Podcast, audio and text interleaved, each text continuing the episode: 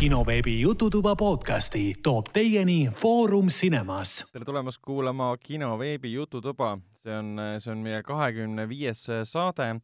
see on endiselt ja jätkuvalt siis kinoveebi ametlik podcast Taskuhääling. minuga koos saates on nagu ikka Helen. Kes on siis, ma ikka mainin alati ära, kes te olete, sest ma olen saanud kommentaare, et ma pean seda tegema, sest inimesed, kes tulevad võib-olla esimest korda kuulama, saaksid teada, keda no, siis kuulatakse. kes siis on? et Helen on filmistsenarist ja filmikriitik ja minuga koos, nagu ikka, on saates Henrik, kes on minu vend, kes on ühtlasi ka filmikri- eh,, filmistsenarist ja siis ka muidugi Foorum Cinemase programmi spetsialist. tere, olen vend. jah ja mina olen siis Ragnar, ma olen kinoveebi peatoimetaja ja samal ajal ka siis filmikriitik ja filmistsenarist. ja sa oled vend ka? ja vend olen ka. see on tähtis info wow.. see on veider, veider saade, kus ainuke inimene, kes suguluses meiega ei ole, on Helen. jah, mis värk on oh,? Wow, wow. äkki, äkki, äkki on?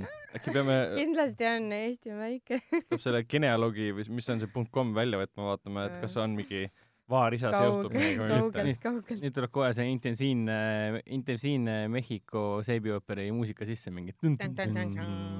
oi, oi, oi. hakkab kohe väikse, väikse püstoliga tulistama aga enne kui edasi liikume, siis ma mainin, mainin kähku ära, et äh, kõik podcast'id on leitavad siis äh, Delfi taskus, SoundCloudis, Apple podcastis, Spotify's, Google podcastis ja kõikides teistes, äh, kõikides, enamus teistes siis nagu podcast'i rakendustes, et võib-olla kõik, mis on pähe tuleb, seal kõik ei ole. Aga ma muretsen selle eest, et oleks. parem oleks jah. Enne kui edasi lähme, siis ma uuriksin korraks teie käest, et kas te olete vahepeal puhanud, kas te olete suve nautinud, kas te ei. olete, olete kõik, kõik kogu vastus oli ei nagu midagi ei toimunud, Netflix läks lahti ja siis oli jama majas mm.. Wow. mina küll puhkasin vahepeal hästi pikalt äh,, äh, mistõttu ma väga filme üldse ei vaadanud äh,, aga see oli juba enne, eelmises podcastis rääkisime sellest. Hendrik puhkab praegu põhimõtteliselt podcasti ajal. jah. kuidas on läinud sinu puhkus? Oled no, läks kodu... ju päris hästi, enne kui te mu siia podcast'i tulisite. Ei, kenasti läheb, äh, vaatan kodus äh, Mindhunterit ja, ja mõtlen oma elu üle järgi. Väga eksistentsiaalne. Wow.. Läks, läks käest ära jälle. või Mindhunter võib sellisena mõjuda küll, et äh, selle seriaali pealt ongi hea edasi minna nende filmide ja seriaalide juurde, mida me oleme nüüd siin siis kahe podcast'i vahel vaadanud. alustame kohe Helenist, sest tal on õnneks no, asjad, mis on hoopis teistsugused kui minul ja vennal, et meil kipuvad vennaga olema samasugused asjad. Uh.. no mitte, mitte tänavu, tänavuses saates, tänases, tänases saates, tal on väga ja. erinevad asjad seekord, aga alustame ikka Helenist. äh,. lugu siis sääne, et äh, tegelikult äh, jah, põhjus, miks ma Netflixi veel väga lahti tegin ja hoidsin, oligi see, et ma natukene tegin oma kirjatöösid ja parandasin ja muutsin ja nii edasi ja siis mul oli vaja midagi äh, taustaks ja ma mõtlesin, et noh, et kui nagu oma mõtetega ei, ei, ei tohi liiga kaua üksinda jääda kirjutamisel, siis, siis mõtlesin, et midagi head, head jutumärkides võiks käia ähm,. Netflix pakub igasugust manti, aga siis ma mõtlesin, et okei okay,, ma tahaks midagi rahulikku, okei okay,, võiks olla briti-inglise keel mm -hmm. ja siis võiks olla midagi siukest, kus ei ole mingit lärmi ja mingit värki. Ja siis ma, üks nendest valikutest oli siuke asi nagu Secrets of uh, Great British Castles. Ehk siis uh, põhimõtteliselt selline ajalooline dokumentaalfilmi moodi sari, selline hästi tüüpiline siuke historic overview of stuff. Ja ja ma mõtlesin, et oh, nagu äge onju, et äkki saab mingit inspiratsiooni, et need lossid seal vanad on jube ägedad, et need Šotimaal ja Wales ja mis seal kõik on. ja siis ma panin selle mängima, see oli hullult tore aga seal hakkas nagu, hakkas noh, ajaloolised faktid tulid ülesse kogu aeg, et eh, kuidas need eh, lossid või mingid ehitised alguse said ja tihtipeale olid need sellised, et um, noh, a la üks sugulane abies, abiellus teisega, et uh, mingit vereliini puhtana hoida ja siis no et, nagu ikka, nagu ikka. ja et siis, et varandused ja kõik muud asjad säiliksid peres ja siis ilmselgelt ei saanud nad omavahel läbi, siis nad hakkasid üksteist tapma ja siis nad abiellusid kellegi teisega ja siis keegi tappis jälle teist kedagi. Ja siis ühesõnaga see oli nagu nii jõhker, seal oli mingi neliteist, viisteist sajand, seitseteist sajand, igasugused need sõjad ja, ja ja, ja muud intriigid ja siis mul oli ühel hetkel, et mis asja, et what, nagu aitab, ei ja siis ma mõtlesin, okei okay,, no oli nagu okei okay,, aga selles suhtes, et äh, jah, peab olema, noh, ajaloo mõttes oli ta väga hästi tehtud, aga lihtsalt mul viskas kopa ette see, kuidas seal oli sõdi, sõdamine, sõda, sõdimine mm -hmm. ja siis äh, oli seal mingisugune imelik ehitis, mis oli kunagi puust ja siis tehti see kivist ja siis sinna pandi kogu linna juudid sisse ja siis nad põletati kõik ära ja siis oli mingi siukene uh, ja, ja no ajalugu julm oli, sihuke, seal oli sihuke tapmine, üksteise tapmine reipimine, ma ei tea, mis veel. ja siis mul oli, et oot, see ei olnud see, mis ma vaadata tahtsin ei no pealkiri küll, The Secrets of Great British Castles kõlab nagu hoopis mingi mm -hmm. Teistsugune nagu mingi loodusdokumentaal, kus Richard Attenborough loeb äh, meelhäälega peale ja, ja sa naudid seda, siis sa hakkad ja. rääkima, kuidas on mingi sõjad, tapmised, vägistamised ja põletamised, mingi äh, okei okay, nagu vanasti käis onju, täpselt.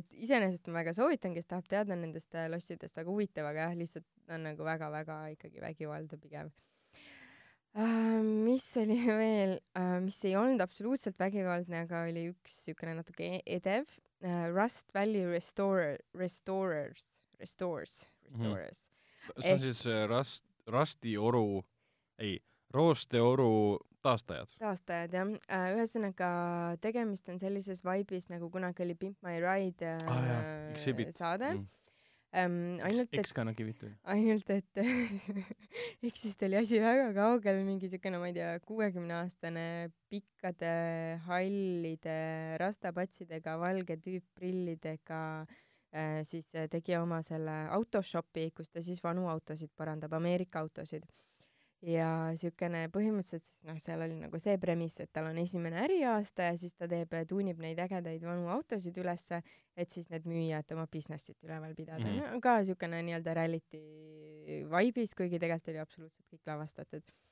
ja siis noh, ma vaatasin seda sellepärast, et mulle meeldivad Ameerika autod, aga lihtsalt see oli nagu nii idiootne kohati, kuidas mingi täielik romu ära roostetanud mingi crap, mingi täielik pläust mingi, aa jaa, jaa, ma pean selle auto ostma, mul ei ole ettevõttel raha, aga jaa, jaa, see on hea investeering, aa jaa, jaa, ma võtan, davai, mingi. ja siis mingi tulevad mingid tüübid mingi suurte rekadega kohale siis nad jäävad kuskile mutta kinni ja siis ühesõnaga siukene natuke kamma ja ma ei saagi aru, kus see nagu üles võetud oli, mul siuke tunne, et Kanadas, et äh, ma väga ei viitsinud nagu keskenduda, et äh, tausta uurida mm. -hmm. et ma lihtsalt vaatasin, et, äh, et mida nad seal teevad, et noh, oligi ja siis mingi saade kestab, see üks osa on viiskümmend minutit ja siis äh, osa lõpuks oli mingi auto nagu tutuus ja läikis ja kõik töötas ja kõik oli mingi viimase vindi peal, siis ahah, okei okay, onju äh,. sul oli õigus, Kanadas mm, okay. äh, ongi olemas Rust Valley äh, garaaž mm.. Äh, British Columbias on siuke koht nagu Tappen jah, järelikult. et seal nad tegelevad sellega. et see nägi lihtsalt nii ilus välja, mingi mäed ümberringi ja mingid pikad teed ja siukene hästi-hästi-hästi visuaalne oli, pluss siis ägedad autod ka ja siis mõtlesin, oo nii hea, silm puhkab et äh, väga chill oli, et mulle hullult tundub, et Kari, Kari keskealisi on leidnud endale viisi, kuidas elatist teenida lemmiktegevusega. ja üle keskea ikka kõvasti, minu arust see nii-öelda main character minu arust oli üle kuuekümne, tal oli poeg ka seal. väga Rastafari näeb ta välja. jaa, poeg oli väga ilus, et noh, kui tahti, tahtsime, aga Oota, siis mingi sõber. see väiksem nagu Ron Jeremy ja, ja Danny DeVito vist sugutis aga ta oli mingi hull asjalik, mingi mingi ja tegi seal ja mingi oma kohutava rekaga kuskil sõitis läbi mingisuguse öö, tee, mis oli vee alla jäänud ja siis mingi no mingi üleujutus oli olnud ja siis ta jäi kinni sinna ja see oli üllatus, üllatus, aga kes ei proovi, see ei saa, onju. siis võttis seal mootori lahti ja kuivatas midagi ja siis jälle läks läbi sellest mingi siuke, no ta, ta oli siuke natukene noh, siukene loll, aga, aga no ma ei tea, kuidagi siukene ikkagi meelelahutus. piltide põhjal ta näeb väga lõbus tegelikult välja. Mm.. Äh, äh, et sul on see, peamine tüüp on see kuuekümne aastane, kellel on dreadlock no,, dreadlockid põhimõtteliselt. rastad rastapatsid. ja tema poeg on siis see väike suur paks mees ja siis ma vaatan, kuulajate jaoks ma vaatan nagu pilti lihtsalt Google, Google, Google Image'i pilti Rust Valley Restores, kus on pilt, kus on kolm tüüpi peal ja keskel on üks kõige pikem tüüp, kes on siis ähm, peamine tüüp, kuuekümne aastane. Yeah tema kõrval on ilmselt, ilmselgelt tema poeg paremat kätt ja vasakut kätt on niisugune väike kiilanev äh, äh pikkade lakkidega ka veel. kes meenutab seda tõesti välimuselt seda seitsmekümne, seitsmekümnendate pornostaar Ron Jeremy't äh,, kes on mingi noh äh, Äh, neid vihjeid seal selles seriaalis ei olnud otseselt, aga mm -hmm. noh, mhm. kes teab, ega ma lõpuni seda hooaega ei vaadanud, et võib-olla midagi muutus. okei okay., ja sa tekitasid mul huvi, ma võtan selle kindlasti. see on niisugune jah, äge, noh, ma ei tea, ühesõnaga ja siis, kuna mul sai sellest äh, autode naljatamisest ka kopp ette, siis mõtlesin, okei okay,, võtaks veel midagi britist, british värki. ja siis ma võtsin ühe siukse väga imeliku sarja nagu sada protsenti Hotter. mm. -hmm. ehk siis äh, põhimõtteliselt on tegemist muutumissarjaga ja seal on siis nii-öelda mm, äh, igasugused karvased ja sulelised siis äh, mm, soovivad saata, saada sinna saatesse, et saada endale ilus äh, noh, uus välimus, millega siis tööle kandideerida või abielluda või. oota, aga kas see on siis nagu see totaalne muutumine, kuna no, oli suht, aga see ei ole TV3 peal või midagi siuke? ta on nagu lihtsam, et äh, ta on nagu lihtsalt panevad uued riided ja uue meigi ja uue ah, keegi nagu mingit et... trenni tegema ei hakka, ta ei, ei lähe kuskile kirurgi alla. blondiinist äh, üks saatejuhtidest näeb välja nagu Barbi Nukk. Nagu ta näeb välja nagu, kes see, Eva? Longo-, ei mitte Longoria, vaid see, kes on abielus Goslinguga. Mendes, Eva Mendes. ta näeb välja on... nagu Eva Mendes. Gosling on abielus ju Blake Lively'ga ei ole. Ryan Reynolds on, okei, sorry. ai, kuidas sa ei tea oma abielu? Ryanid, Ryanid lähevad sassi. aga tegelikult seda ma ei teadnud praegu, et Eva Mendes, Mendes on abiellunud, abielus siis Ryan Goslinguga. Nad on väga ammu ja neil on kaks last, FYI. Nad, mängi, nad mängisid ju koos selles ja, samas selles. filmis, millest me mm -hmm. rääkisime enne saate algust, see Terence Ian Francis see film, see. Race Beyond Pines. jah, ja, ja seal nad kohtusid ja neil oli ka peret mängisid seal või midagi, ma ei mäleta. kuule, aga see on mingisugune korduv element ju Derek Cianfranci filmides kohtuvad mehed ja naised ja abielluvad või siis nad juba on seda? et noh, see Light Between Oceans, seal ah, nagu okay. kohtusid põhimõtteliselt või juba enne isegi kohtusid meie, siis meie My Man Fashu ja Vikander. Alicia Vikander ja My Man Fashu ehk siis Michael Fassbender kohtusid ja nad on ka abielus nüüd oh. või no ma ei tea, kas abielus, aga igatahes käivad. räägime, räägime ikka tähtsamatest asjadest okay.. nagu sada protsenti kuumem, siis äh, no see, see on natukene weird üks, üks äh, peategelased on siis äh, kolm nii-öelda päris inimest, üks äh, obvious äh, geimees äh, äh, pikkade juustega, kes teeb soenguid äh,. siis on äh,, Grimeeria, kes siis näeb välja nagu Eva Mendes ja siis on see kolmas äh, naine stilist, aga tema vahetati hooaja, poole hooaja pealt välja ja, ja siis tuli see teine pika patsiga tüdruk või noh, see ülemise patsiga tüdruk. see, see, kes näeb välja nagu Darja sealt sarjast. ja see vahetati välja ühel hetkel ja siis äh,, ja siis äh, sellel juuksuril ja sellel Grimmil on niisugune nagu naljakas omavaheline suhe, et nad kogu aeg nagu räägivad justkui omavahel, et oh my god äh,, äh, mu isa jumalast jumaldaks sind, kui sa minuga abielluksid, onju, või midagi siukest nagu, tüüp on jumala gei. ja siis järsku nagu nende jutu vahele tuleb äh, see mm, muutuja siis, oi tere, kuidas teil läheb ja siis nad hakkavad kohe vaatama, oi, mis soengu ma sulle teen ja aga see on nagu, noh, ma ei tea, ma kujutan ette, see on nagu sada protsenti mingi situatsioonikoomika põhimõtteliselt. ta on natukene jah, siukene, noh, idiootne siukene, aga siuke jube lihtne. segan korraga vahele, aga see juukse, juuksetehnik põhimõtteliselt, see on see, see on see geimees ja, ja ta näeb täpselt niimoodi välja, nagu Dave Bautista oleks saanud lapse Jason Momoaga aa ah, jaa, ma mõtlesingi, keda ta mulle meenutab, aga mu oma see soeng või siuksed pikad yeah, lokis juuksed. pani sinna veits vahele. jaa, täpselt nii oligi wow.. ühesõnaga, see wow., seal ei ole mitte midagi tiipi, natukene meelelahutuslikku ja siis no lihtsalt vaatad, et minu nagu point oli see, et ah kurat, UK-s on jumala ägedad riided, Eestis küll siukseid ei ole nagu. no kõike ma selga ei paneks, mis seal olid, aga mõned asjad olid küll ägedad. oota, ja see on ka puhas Netflix, jah? Mm,. jaa, see on kõik Netflix ju. Netflixis on need sarjad kõik jah ja., aga kas nad nüüd tema to-, Netflixi toodetud on, seda ma ei oska. aa, see on kindlasti üle ostetud. kas ma peaksin seda vaatama hakkama või? nagu, nagu tõsine küsimus selles suhtes Ei... ja ta naerab päris palju. ma ei tea, mis sa selle teadmisega äh, peale hakkad. sealt võtta nagu, nagu vihjeid või, või suuna. karakter äh, development'i äh, äh, jaoks või? täpselt, või su suuna nagu muutusi enda elus, mis puudutab siis välimust ja, ja soengut siis äh, kindlasti saad siis kindlasti võib sealt võtta. see polnud vihje, et sa pead seda tegema, aga see võib aidata sinu elu kvaliteeti tõsta. Mm. okei okay mulle meeldib kusjuures see, et Helen eelmises saates rääkis hästi pikalt, kuidas ta nautis nagu Mindhunterit, mis mingid noh, haigeid, haigeid, haigeid mõrvareid, killereid, roppusi täis ja siis me arutasime, kui hea see tegelikult on. ja siis Helen järgmises saates, et ta vaatas kõiki siukseid saateid, mis olid kapitaalselt täiesti teistsugused. miks ma selle välja toon, et see tavaliselt ongi niimoodi, et inimene vaatab noh, teatud tüüpi sarja mm, -hmm. sarju, seriaale, ta lihtsalt ei vaata siis Mindhunterit mm. -hmm. aga sinu puhul sa vaatad kõik asjad nagu koos omal ajal ja see tundub ja, nagu ja, ja mm.. samas need ongi siuksed seriaalid, mis sa nagu aitab nagu loputada või puhastada sellest äh, no just, no. rõvedusest, mida seal Mindhunteris e-, esitatakse. pluss no vaatadki siis neid nagu päris inimesi, mõtle, et osade puhul oli küll need üks tšikk oli reaalselt äh, pea lae pealt kiilas, sellepärast et ta oli mingi äh, blondeeris ennast iga kuu ise ja tal olid mingid kunstjuukse nagu klipid mm. pandud juustesse ja ta oli reaalselt pea lae pealt kiilas ja siis mul oligi siukene tunne, et Jeesus nagu, mis su peas nagu toimub, et kui see, no ma ei tea, no endal nagu peaks paha olema, kui sul ei ole ühes hetk, ühes kohas juukseid, noh. okei okay,, kui sul nagu on mingi muu probleem, aga et sa ise tekitad endale selle probleemi, see oli nagu minu probleem miks ta ise endale tekitas probleeme, mida vältida nagu.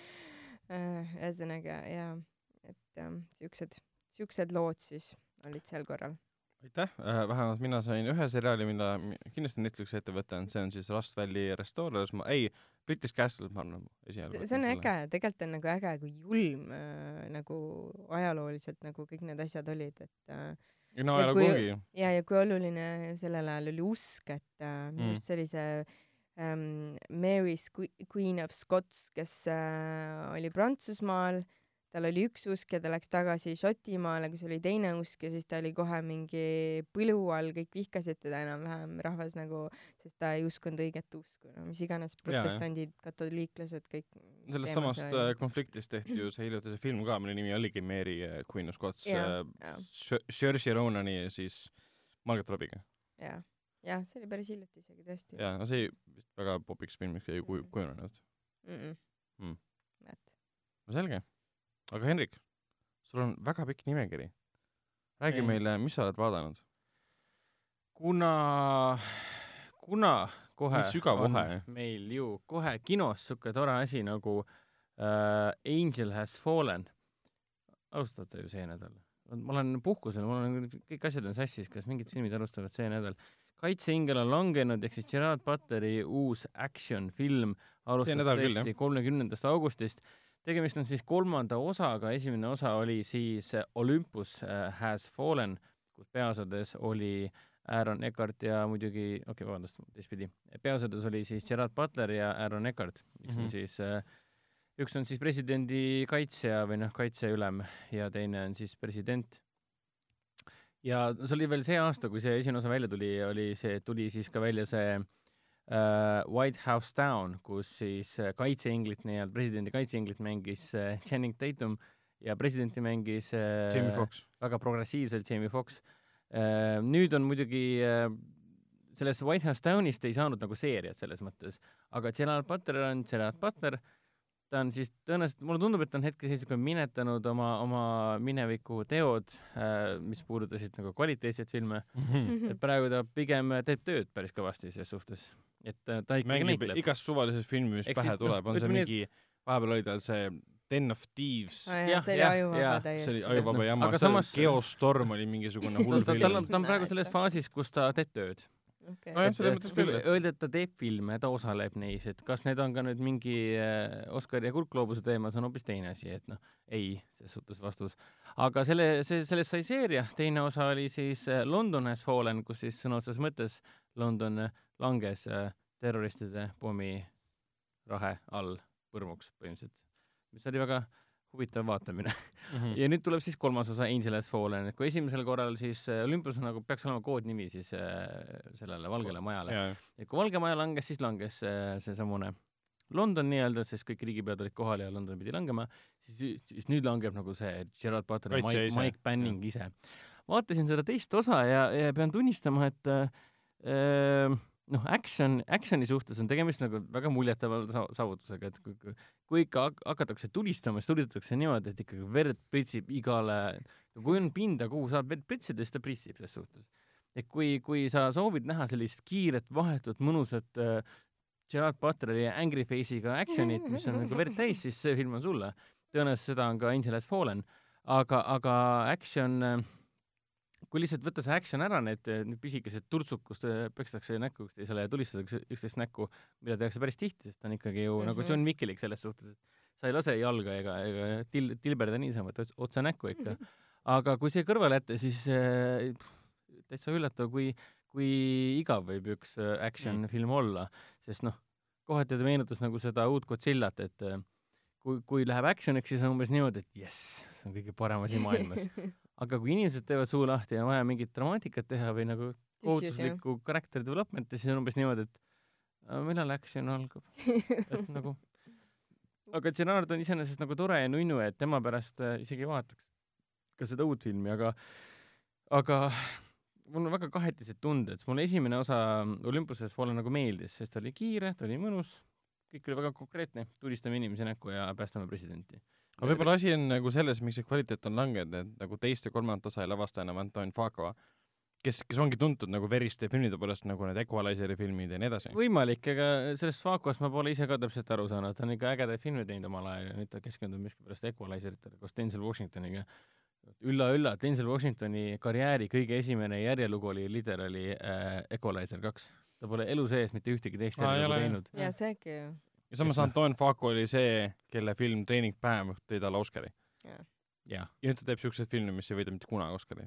kuigi ta on nagu äge vana, selles mõttes, et Tears of the Sun ja King Arthur omal ajal mulle väga meeldis Clive. Owen.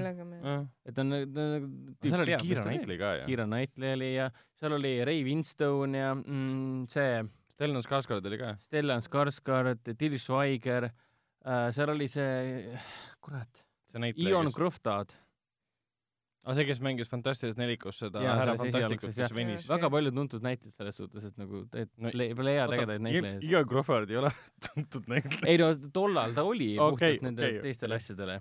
aga kus me nüüd jõudsime? aa, okei okay.. igal juhul, kui kõige, üllatam on see, et ma üldse ei imesta, kui inimesed mõtlevad, et mis asi see Angel Has Fallen on, et Mm, miks no ma seda. Has Fallenit nagu tean. Mm. ja siis tuleb nagu see meeldetuletus, aa, see on nagu triloogia kolmas osa. See on lahe, et selle sellest seeria, sündis triloogia või? Sellest nagu. selle seeria nimi on Fallen, õige Fallen jah. Series nagu. see on ametlikult Fallen series või? sa võidki seda, võidki lõpmatult teha seda niimoodi, et see on Fallen ja siis sa paned sinna mis iganes asi on. Fallen põhimõtteliselt. ja kusjuures ma see, on, see on päris cool, ma kiidan tegelikult, et sul on äh, seeria, mille nimi on Fallen series. Võib-olla nad lootsid sellest teha samasuguse film series, ongi nii, issand jumal on kui lahe. ja kusjuures kolmanda osa reisijad on Rick Roman Voo, kes on sama tüüp, kes lavastas Shot Calleri, mis vahepeal oli meil Eesti kinodes ka, kus äh, Nicolas Coster-Waldau mängis ühte tüüpi, kes läks vanglasse. väga karm, karm krimipõnevik oli. see oli päris kõva film. ja jaa. ma vaatasin, et teise osa reisijal oli Babak Najafi. see on ja äh, Babak on äh, suht, suht Babak. Ma ei näe ühtegi filmi, mida ma, ta lavastas Aa. näiteks selle Easy Money ja Snabba Cashi teise osa, vaata, see on see filmi seeria, kus siis äh, Joel Kinnaman sai populaarseks näitlejaks Hollywoodis. ja, ja see tuntud bestselleri põhjal tehtud. aga jah, et ma pigem sellele ei peatuks, et niisugune kergelt kiiresti unustatav action film, aga, aga kui sulle meeldib ikkagi niisugune tihe näkku tulistamine, siis see on, see on sulle. Lähme edasi. kõlab väga halvasti. see on see, samas, samas nüüd tuleb siis teine film ka, mida ma vaatasin samuti Lux Expressis, kui ma sellega sõitsin. ehk siis Mhm. on siis nagu Henniku Lux Expressi minutid nii-öelda. Experience. et ma brausisin, et mis filme oodata, et ma, kui ma kolm ja pool tundi sõi- sõidan lihtsalt ah, okei. teise linna, teise Eesti otsa ja siis ma vaatan, mida vaadata. Siis London Has Fallen ja siis äh, tagasi tulles äh, vaatasin Light Between Oceansit ehk siis äh, Derek, Derek Cianfranci seni, seni, minu teada vi, seni viimast filmi. ma olen kõiki tema filme enda arvates näinud. eelmine oli tal see, oli Place Beyond Pines või? ei, The Place Between, The Place the, Between the Pines. Jaa, Fine. Beyond the Pines. Place Beyond. Place Beyond Jah. the Pines, jaa. Jean-Francois oli režissöör ja see oli see film, kus mängis äh, Gosling, Bradley Cooper ja Eva Mendes ja film mulle kohutavalt meeldis, ta oli niisugune väga põneva struktuuriga äh, isade ja poegade, emade ja, emade ja poegade teemaline hull draama nii-öelda Mhm. ta tegi Blue, Blue Valentine'i tegi ka. Blue Valentine jah, sellega ta sai Goslingu ja Michelle Williamsiga, mida Mm. loetakse kõige depressiivsemast, depressiivsemaks ja masendavamaks äh, selliseks, kuidas öelda, lahkumineku filmiks. See oli no nii igav, ma ei suuda uskuda, et see nii suure kella külge pandi. seal oli nunnu tseen, kus ta üks mängis äh, kitarri ja mingit imelikku pisikest kitarri ja ukuleelet ja siis Michelle Williams tantsis, see oli nii tore ju. ei no igatahes Jean-Franc sai nende kahe filmiga, ta on indie direktor tegelikult, indie režissöör, nende kahe filmiga ta sai väga popiks, väga suurte näitlejatega tehtud koostööd. Ja siis ta võttis kätte ja tegi ühe tuntud romaani põhjal siis äh, Valgus ookeanide vahel oli see eesti keeles, jooksis ka Eesti kinodes see film äh, Light Between Oceans, aga, aga ta võttis nagu liiga suure ampsu sellega, et kuna mulle tegelikult väga meeldib Jean-Franci stiil, tema dramaatiline lähenemine nii-öelda draamafilmidele, tema struktuur ja tema tu- tunnetuslik nii-öelda, siis sellega minu meelest ta pani parajalt noh, veits kaps-, aeda või kapsaaeda või? oli liiga pikk lihtsalt või? isegi see ei olnud probleem, pigem oli probleem selles, et kui kas üks film saab olla liiga dramaatiline? jah, saab ja see film Mm. mm. oli seda. põhiprobleem seisneb nagu selles, et äh, ta on lihtsalt liiga äh, etteaimatav. no selle koha pealt, et sul on nagu, kui sul on ikkagi vaja liikuda punktist A punkti X, siis liigutakse sõna otseses mõttes punktist A kuni punktini X. ühesõnaga, sa tead kõike, mis tuleb jah ja..., et nagu järk-järgult on äh, pinge arendamine, karakteri arendus ja kõik hästi pikalt tehakse ära mm., inimesed kohtuvad, kes see esimene, kes see peategelane on, kes on see, kellega ta kohtub, siis nad kohtuvad, siis nad abielluvad, siis noh, filmi teemaks on see, et äh, sõjast äh, naaseb siis Michael Fassbender ja tema tahab üksi olla ja ta hakkab siis äh, majaka valvuriks üksikul saarel äh,. saare nimi oli, kurat, ma ei mäleta, hästi oluline nimetus oli sellel. hakkab üksi seal töötama ja ta on lihtsalt üksinda oma, oma äh, mures murtud mõtetega, mis ta sõjas koges ja nii edasi mm. siis ta kohtub äh, kohaliku perekonna peretütrega, Alicia Vikanderiga, armuvad ära, abielluvad ja siis nende perekonda tabab siis see traagika, et äh, nurisünnitus tabab mm -hmm. Alicia Vikanderi tegelast äh, kaks korda järjest, et põhimõtteliselt äh, äh mis ta oli, kolmandal või neljandal kuul juba mm -hmm. äh, laps, noh, nurisünnitus. hästi-hästi-hästi drama-, see on tõesti, kui ta teeb dramaatikas, see teeb ikka niimoodi, et sa ise vaatad ka, et kurat, see on nagu rahune maha, noh. ja see oli mingi ajastufilm ka ju, et ja, see ei olnud ju tänapäev. see oli tuhat üheksasada üheksateist äkki või? aa, okei okay,, sajandi algus siis. siis need asjad olidki veel ekstra dramaatilised. ta on ikka väga karm, eriti veel see, et sa oled, seal korrutati ka seda teemat, et sa oled ju ikkagi saarel, siin ei ole mm -hmm, mitte mingit täpselt. võimalust äh, arstiabile ja nii edasi aga noh, siin filmis on ka omaette nagu ebaloogikaid ja nii edasi, aga noh, ma ei hakka nendele peatuma. aga too üks näide. No üks ebaloogika on nagu see, et ma saan aru, seda püüti põhjendada tegelaste enda suhtumise, suhtumisest nagu maailma vastu ja teiste inimeste vastu, aga lihtsalt kui sul on üks nurisünnitus olnud, siis naine keeldub arstiabist. mida? ta keeldub arstiabist sellepärast, et äh, kui, kui me äh, mingi uuesti... usklikud olid või? ei olnud, ei olnud, aga ta keeldus arstiabist sellest, et mul ei ole vaja kedagi, ta vihkas oma meest juba selle eest, kui ta arvas, et ta kutsub äh, arsti saarele oota, mida, et ta saab nagu ise hakkama või? jah, ta saab ise hakkama ja mul ei ole vaja arstiabi, et äh, kui mul nüüd peaks uuesti tulema see nurisünnitus, siis äh, siis me ei saa üldse mingit last ja sellepärast, et kes äh, annaks meile adopteerida ka ei saa, sellepärast et noh, me elame saarel, kus pole arstiabi, kooli ega mitte midagi, kes meile annaks lapse ja nii edasi mm. -hmm. ka imelik. ehk, ehk siis tal oli selline suhtumine, et hästi närviline, hüsteeriline suhtumine, et ei, me peame üksi hakkama saama, et ma ei taha, et kogu maailm teaks ja et me oleme siin üksinda saarel, niisugune isoleerituse teema oli sees mm seda püüdi nagu äh, süvendada, et see kõik on niimoodi noh, loogiline, aga samas nagu tekitas tagantjärgi tunde, et nagu aga äkki oleks pidanud ikka arsti juurde minema ja siis äkki oleks ikka laps ära sündinud nagu nii nagu, nagu nii nagu pidi nagu,. nagu pidi jah. aga, aga noh, no muidugi film hakkab alles siis tegelikult tööle, film on siis mingi tund, neli, ei, päris nii ei olnud, et ta kestis tund aega mingi character development film kestis sada kolmkümmend, sada kolmkümmend kaks minutit, et minu meelest esimesed nelikümmend viis minutit oli nende saare elu koos, koos väga traagiliste nurisünnitustega. ja lõpuks siis nad, tuleb see murdehetk, mis on tegelikult nagu filmi algus. Mm, -hmm. et siis nad leiavad paadist, paad, paadist leiavad beebi see oli äh, treileris minu arust ka kunagi. treileris jõuab see teema nagu väga kiiresti kohale. ja, ja see oli alguses nagu. nelikümmend viis minti on puhast dramaatikat äh, kahe, kahe tegelase vaikelust ja nende traagikast ja siis lõpuks tuleb see beebimängu ja siis hakkab justkui film, film alles tööle uh. -huh. aga siis on nagu too little too late kohati ja siis ta läheb täpselt sama tempoga edasi, et me võtsime beebi uh, -huh. me ei mhm. räägi sellest mitte kellelegi.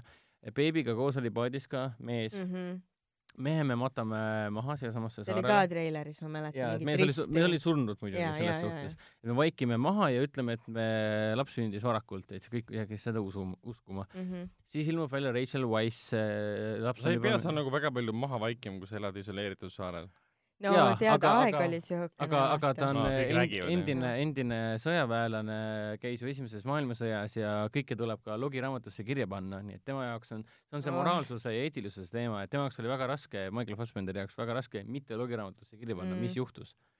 ehk siis okay. sa pead selle otsuse vastu võtma, kuskil seal on äh, tõenäoliselt ema, kes ootab mm -hmm. oma last koju.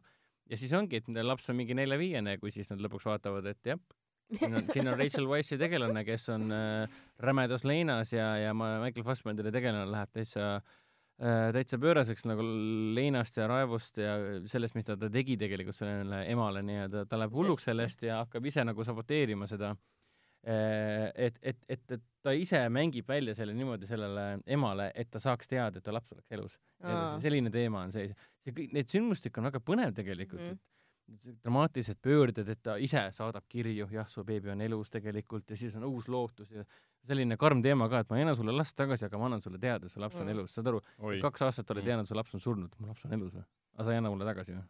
mis ma Ei. selle teadmisega teen nüüd no täpselt, et ta annab nagu võltslootust, väga, väga masohhistlik mingis mm. -hmm. mõttes. aga noh, visuaalselt ja, ja dramaatiliselt nagu väga ilus film, näitlejad mängivad niimoodi, Alicia Vikander nagu mm, -hmm. ta, ta sai oma Oscari vist ära ju. sai, sai, muidugi sai. selle Danish Girliga või? ei, mille eest ta sai, eks Makina ei olnud või? ei, ei, eks Makina kindlasti ei olnud. pärast seda, mis ta pärast? sai Danish, Danish Girliga sai. See oli nii halb. jaa, ta võitis jah, Danish, mulle ka film Girl oli, üldse ei meeldinud. ma olen sellega nõus, see oli halb. aga Vikander on nagu totaalne Vikander selles mõttes, et Mm. mm. nad on paras paar, kaks nagu täiesti super Mhm, näitlejad jah. mängivad sellises rollis. aga lihtsalt ma olen kriitikutega nõus, kes ütlesid, et äh, ei piisa ainult sellest, et sa teed sada, saja kolmekümne kahe minutilise filmi, paned kaks väga võimsat näitlejat peasse ja, ja lased neil lahti rulluda äh, väga loogiliste sammudega edasi areneva dramaatilise loo. Lihtsalt sellest ei piisa, su publik väsib ära ja ta lihtsalt ei ela kaasa sellele. täpselt. et ja eriti nagu, no sorry, aga see info, mis sa rääkisid, see oli kõik ka treileris olemas, et noh, ja ma nägin seda, mis aasta film see oli, ma nägin treilerit üliammu tuhat nagu. no vot, ja ma mäletasin praegu kõike ma omal ajal seda tahtsin nii väga näha seda, aga kurat, mul jäi, mul jäi kusjuures vahele. selle filmi operaator on sama inimene, kes oli ka Fassbenderi siis Macbethi ja siis Aa. Assassin's Creed'i operaator. Vau, Assassin's, Assassin's Creed ja siis siuksed teemad nagu, väga weird. Aga üldjoontes ka, kuidas sul nagu on soovitused, et kui keegi, kui ma nüüd Lux Expressiga esmaspäeval sõitma lähen, et äh, kas ma siis panen käima või? esmaspäeval ära et, ku- kuskil. et kumba vaadata või? kas Lon-, London has fallen'it või Light Between Oceansit või? ma siis ikkagi soovitan Light Between Oceansit vaadata. et ta on dramaatiliselt, selline mm, hästi väsitav oma, oma üleliigse overly dramantikuga, aga, aga kuna ta on hästi tõsine teema, ta on hästi korralikult handle itud seda teemat põhimõtteliselt, siin on nagu, räägime käsitletud. käsitletud, vabandust, eesti keel on ilus keel, mm.. et- käetama. kuna ta on hästi-hästi tõsine film, hästi-hästi jaa, siuke see ta on hästi käitlema. tõsine film, ta on hästi tõsine teema, hästi tõsised näitlejad, et kui sulle meeldib hea äge draama, vabandust, miinusäge, hea draama, siis see film on justkui sulle, aga ole lihtsalt valmis selleks, et ta on niisugune äh, punishing ehk siis ta on, ta nagu karistab publikut selle eest, et sa tahad head draamat saada. Mm. karistab sellepärast, et no mina oleksin rahulikult pannud siin äh,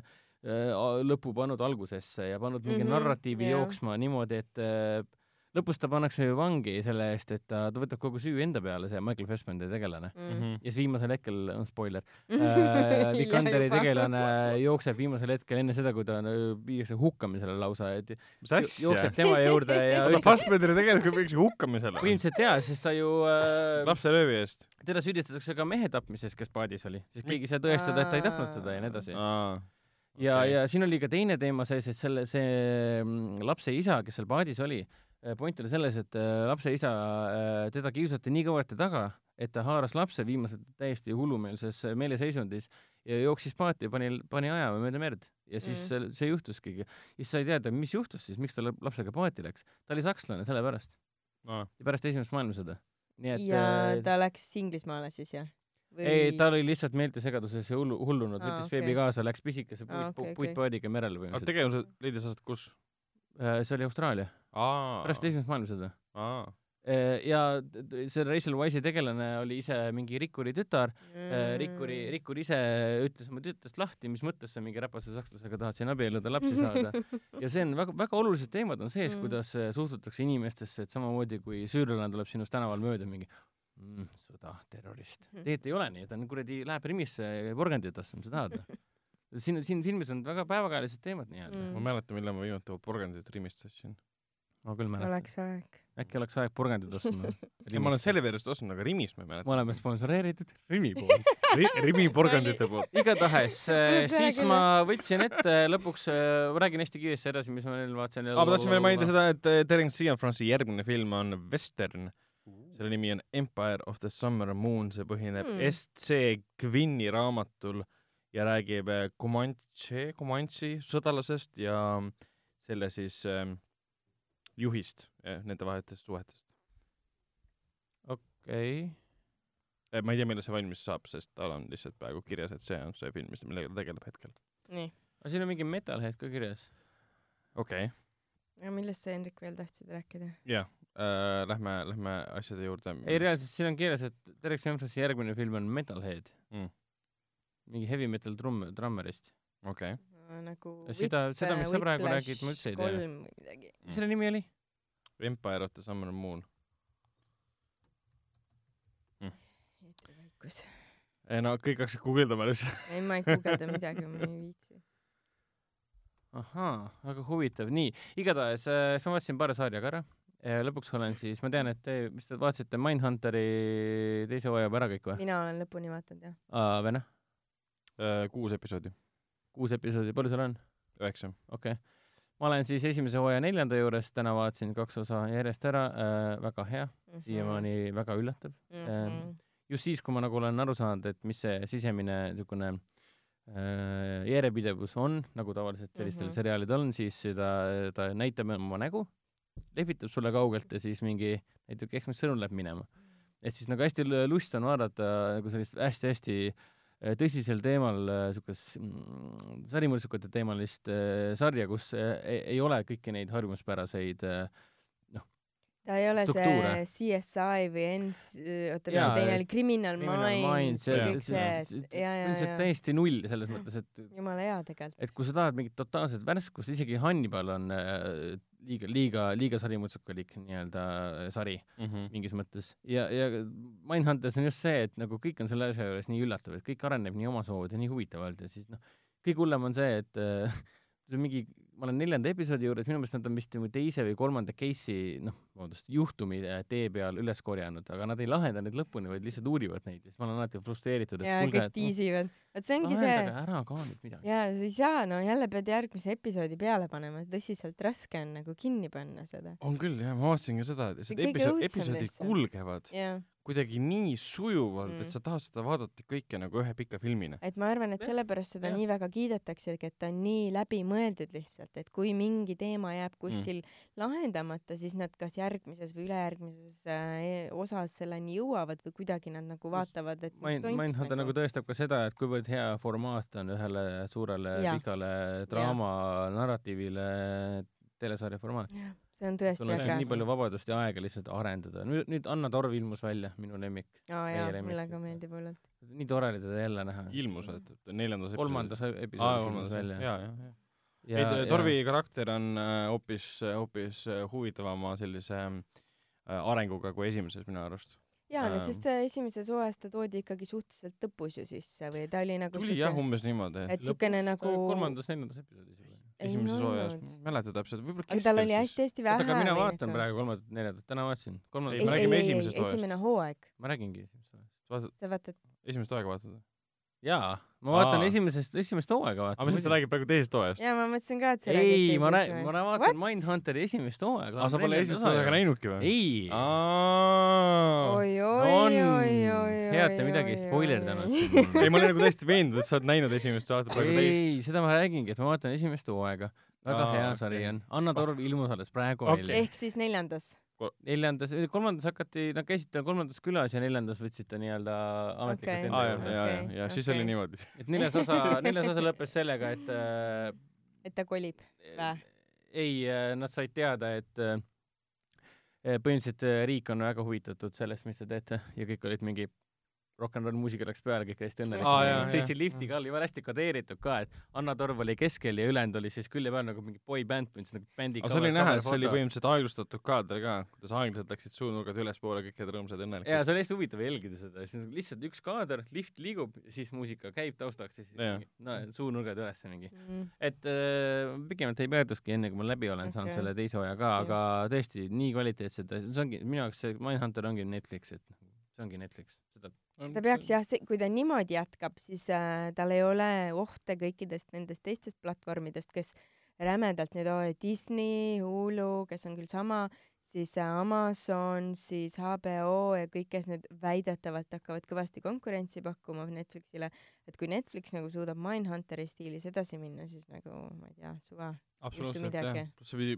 kokku vist kestma praegu, ei veel viis hooaega tulema siis. mm. David Fincher ise ütles niimoodi. Tal on vist päris hea jah. Teeb, mis tahab, pappi on, teema on põnev, tal on Jah. endal ka põnev tõenäoliselt. ja ju esimeses, vähemalt teises hooajas äh, ma vaatasin, et tema lavastas ise mingi kolm-neli episoodi jah, jah. ja teised episoodid, ühte režissööri ma ei tundnud ära, aga äh, kahe-kolme episoodi režissöör oli Andrew Dominic. see on sama tüüp, kes lavastas selle Jesse Jamesi filmi, see, kus Casey Affleck oli ja siis Brad Pitt, vaata äh,. see oli hästi pika pealkirjaga film, Assassination of Jesse James by Coward Robert Ford Mm. mis on see täiesti ja Killing äh, Them Softly.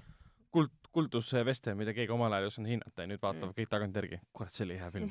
aga rääkides asjadest, mis on hea, siis ma võtsin ette lõpuks siukse asja, mida ma olen ammu tahtnud vaadata, millest me siin podcast'is oleme rääkinud ka, on siis äh, äh, Netflixi esimene Lõuna-Korea seriaal õige jah. Kingdom. see on nende selles mõttes nende enda toodetud äh, Lõuna-Korea seriaal. jaa, see on Sest nagu Netflixiga väga, palju- Netflixiga toodetud, selles mõttes esimene, et noh, Netflixiga toodetud selles mõttes. Lõuna-Koreas. Lõuna-Koreas, mitte sisse ostetud ega midagi Mhm. taolist. tegemist on siis ajaloolise zombi õudusdraama seriaaliga ja, ja leiab siis äh, aset sellisel keerulisel äh, paleeintriigide ajastul, kui äh, dünastia äh,, Lõuna-Korea ajaloolise dünastia liider hakkab justkui äh, nii-öelda surema ja siis tema poeg peaks olema siis järgmine, järgmine juht oma riigile, aga ometi hakkavad kohe keema rämedad äh, paleepöörded, et jumala eest poeg ei saaks äh, võimule, vaid hoopis äh, isa, isa-naine ja tema tulevane laps ja kõik siuksed, siuksed rämedad intriigid. Ja, ja siis samal ajal on ta ka zombiseriaal. ehk siis kuskilt kaugelt hakkab vaikselt äh, lähenema nii-öelda katk, mis siis on vallutamas vaikselt nagu võõrvaenlane nii-öelda, on vaikselt levimas, vaikselt hargnemas, juba kala nii-öelda mädaneb ikka peast. Mhm. et ma ei hakkagi rohkem ütlema, aga sõna otseses mõttes mädaneb peast. et, Uh-oh. et ütleme nii, et see zombikatk on lähemal, kui, kui peategelased oskavad arvatagi, et kust ta tegelikult pärit on ja nii edasi. ja ta on äh, selles mõttes, et äh, naljakas oli see, et vaatasin, vaatasin siis esimest osa ja ma, siis ma nagu sattusin sellesse paleeintriigi, Lõuna-Korea ajaloolise paleeintriigide võrku nii ära, et ühel hetkel vaatasin, et oota, kus need zombid siis on? et kuna see dramaatika, see, see ajalooline intriigi dramaatika, see oli nii huvitav, see oli nii Mm. mm. põnev, äge, väga ägedad näitlejad ja siin mängib ka see meie, sinu ja minu jaoks väga tuntud Korea näitleja, see mm, Pae Doona, Doona Pae, aa, Toona Pae, ja, ja, ja. kes on siis, mängis ka selles Cloud Atlases Cloud näiteks. Atlases mängis ja Jupiter Ascending ja us selles Sense8-is see Vaškovskite seriaal, mis jah, Ja ja Netflixis see mit- mit- mitmes tuntus Lõuna-Korea filmis Airdoll ja The, Ho The Host ja nii edasi mm. -hmm. Äh, ja kõik on nii põnev ja siis ühel hetkel tuleb meelde, ah siin on zombid ka ju. ja lõpus, kui tuleb, et esimene, siin on kokku on äh, kuus episoodi, teine hooaeg on juba töös kusjuures. Mm -hmm. Esimene osa kestis viiskümmend kuus minutit, minu meelest kuskil kolmekümne viienda minuti pealt või neljakümne minuti pealt oli, lõpus tuli siis nagu sada protsenti zombid sisse nii-öelda. lõpuks tuleb, kui ta lõpuks zombid kohale jõuavad nii-öelda, see on hästi huvitav, mismoodi need sündmused arenevad ja nad ei arene üldse nii, nagu sa harjunud oled. vot see, et ta hoiab äh, kiki varvul siin puhtalt sellepärast, et see on huvitav jälgida, kuidas mingi lihtne asi nagu mingi uue tegelase tutvustus võib sind korraks nagu segadusse ajada, hakkad mõtlema, et see, see pole harjunud lihtsalt nagu lõunakorealased mõistavad oma dram-, narratiivi hoopis teistmoodi kui ükski Mm. teine inimene maamunal. aga zombide kasutus on äh, väga tänuväärne, ta on äh, puhas selge allegooria ja, ja see on päris hirmus, mida nad äh, selle, selle tagamõttega nagu neil teinud on. ja siin päris palju tihti kasutatakse seda äh, rahva äh,, rahva mahajäetuse teemat nii-öelda, et see Mhm. suured äh, rikkurid, suured kuningad juhivad ja Mhm. juhivad, ette ei taha, teevad oma paleepöördes, samal ajal rahvas nälgib kuskil Mm. ja on sõna otseses mõttes näljased. et see ongi see nii-öelda, see allegooria, et rahvas on näljas ja siis selle taustal tekib Mm. mm. äh, zombi, sest mis on zombi alati, zombi on alati näljane.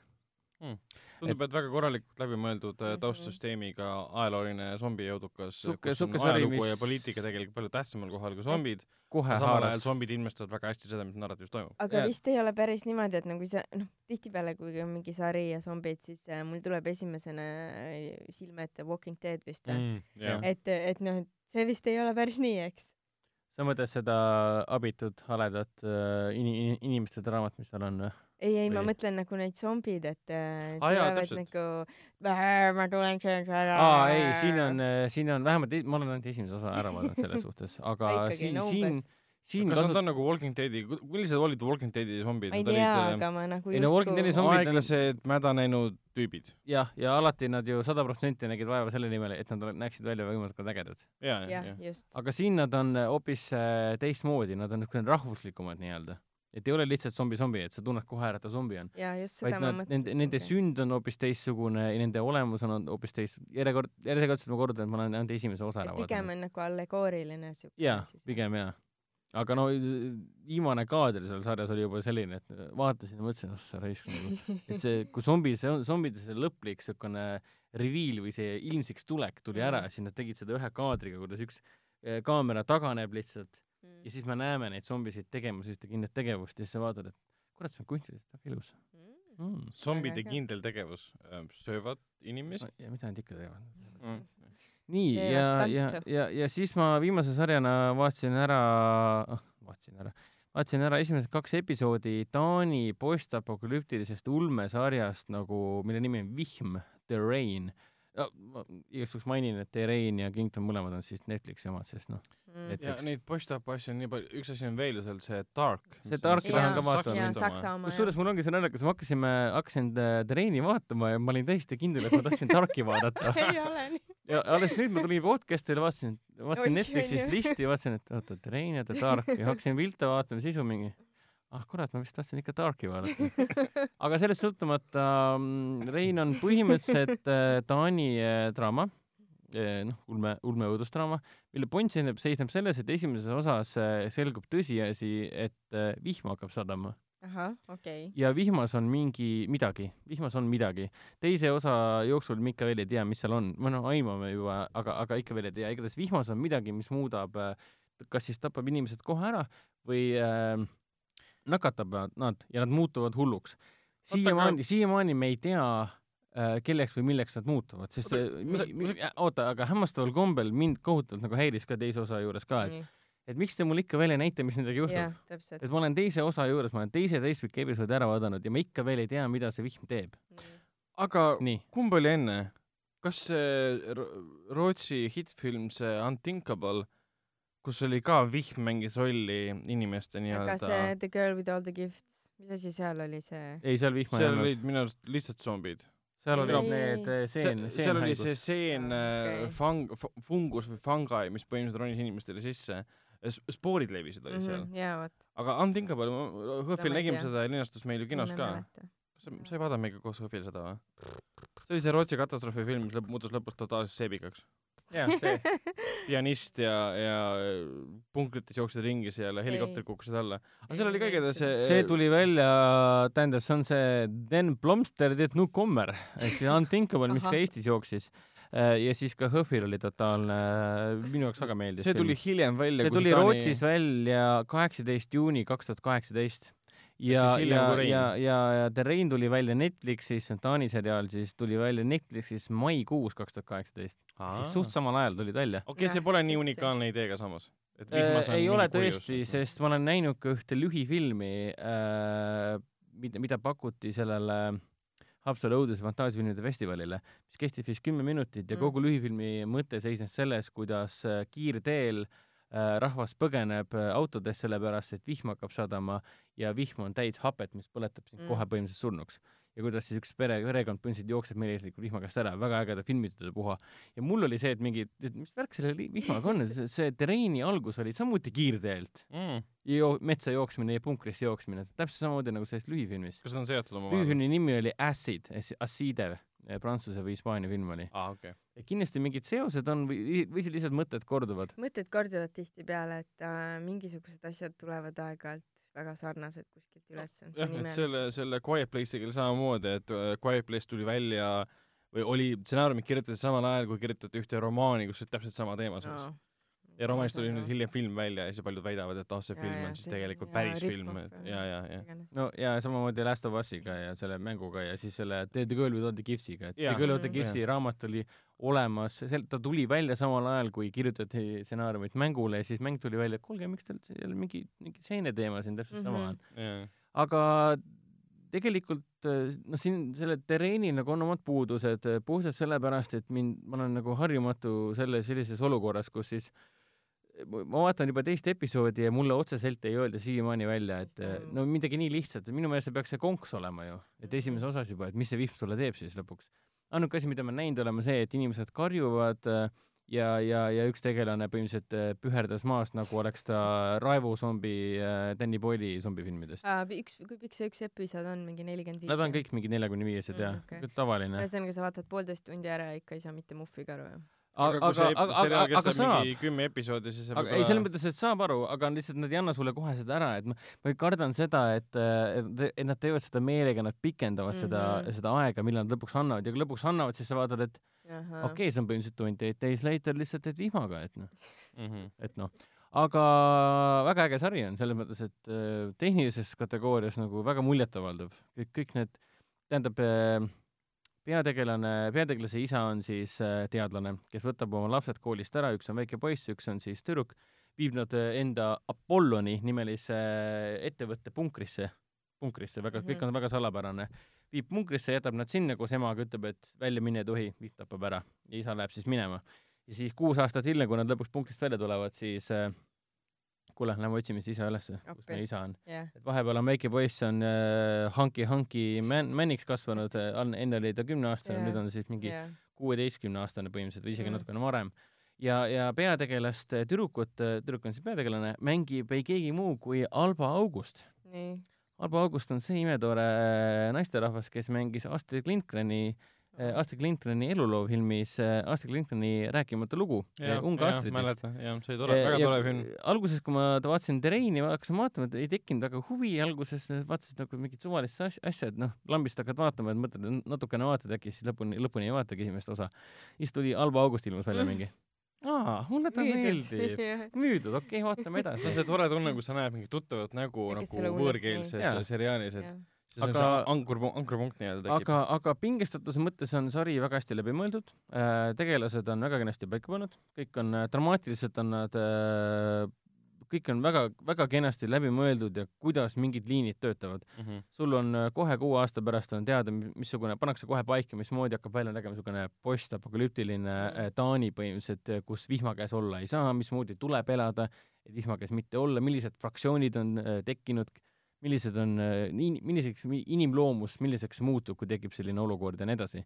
ja kohe esimeses osas pannakse niisugune telostilik äh, selle see kultusseriaal Lostilik niisugune vibe sisse, sul on punker, sul on Apollon, sul on mingi hull süsteem siin ja siis on, on ja publik samastatakse ju lastega ja lapsed mm. ei Mm. tea mitte midagi, ehk siis kogu aeg on see tunne, et algul kaob ema, noh spoiler, aga algul Mhm. kaob ema ära, algul kaob isa ära ja siis kaob ema ära ja siis jäävad ka kaks last Mhm. alles ja nemad peavad siis koos publikuga mõistetama, et ellu jääma. et mille Mm., kelle või mille jaoks mu isa see ikkagi töötas, mm. miks siin on mingi räme high-tech punker ja miks õues on vihm, mis mind ära Mm. tapab, et isa, mis sa tegid?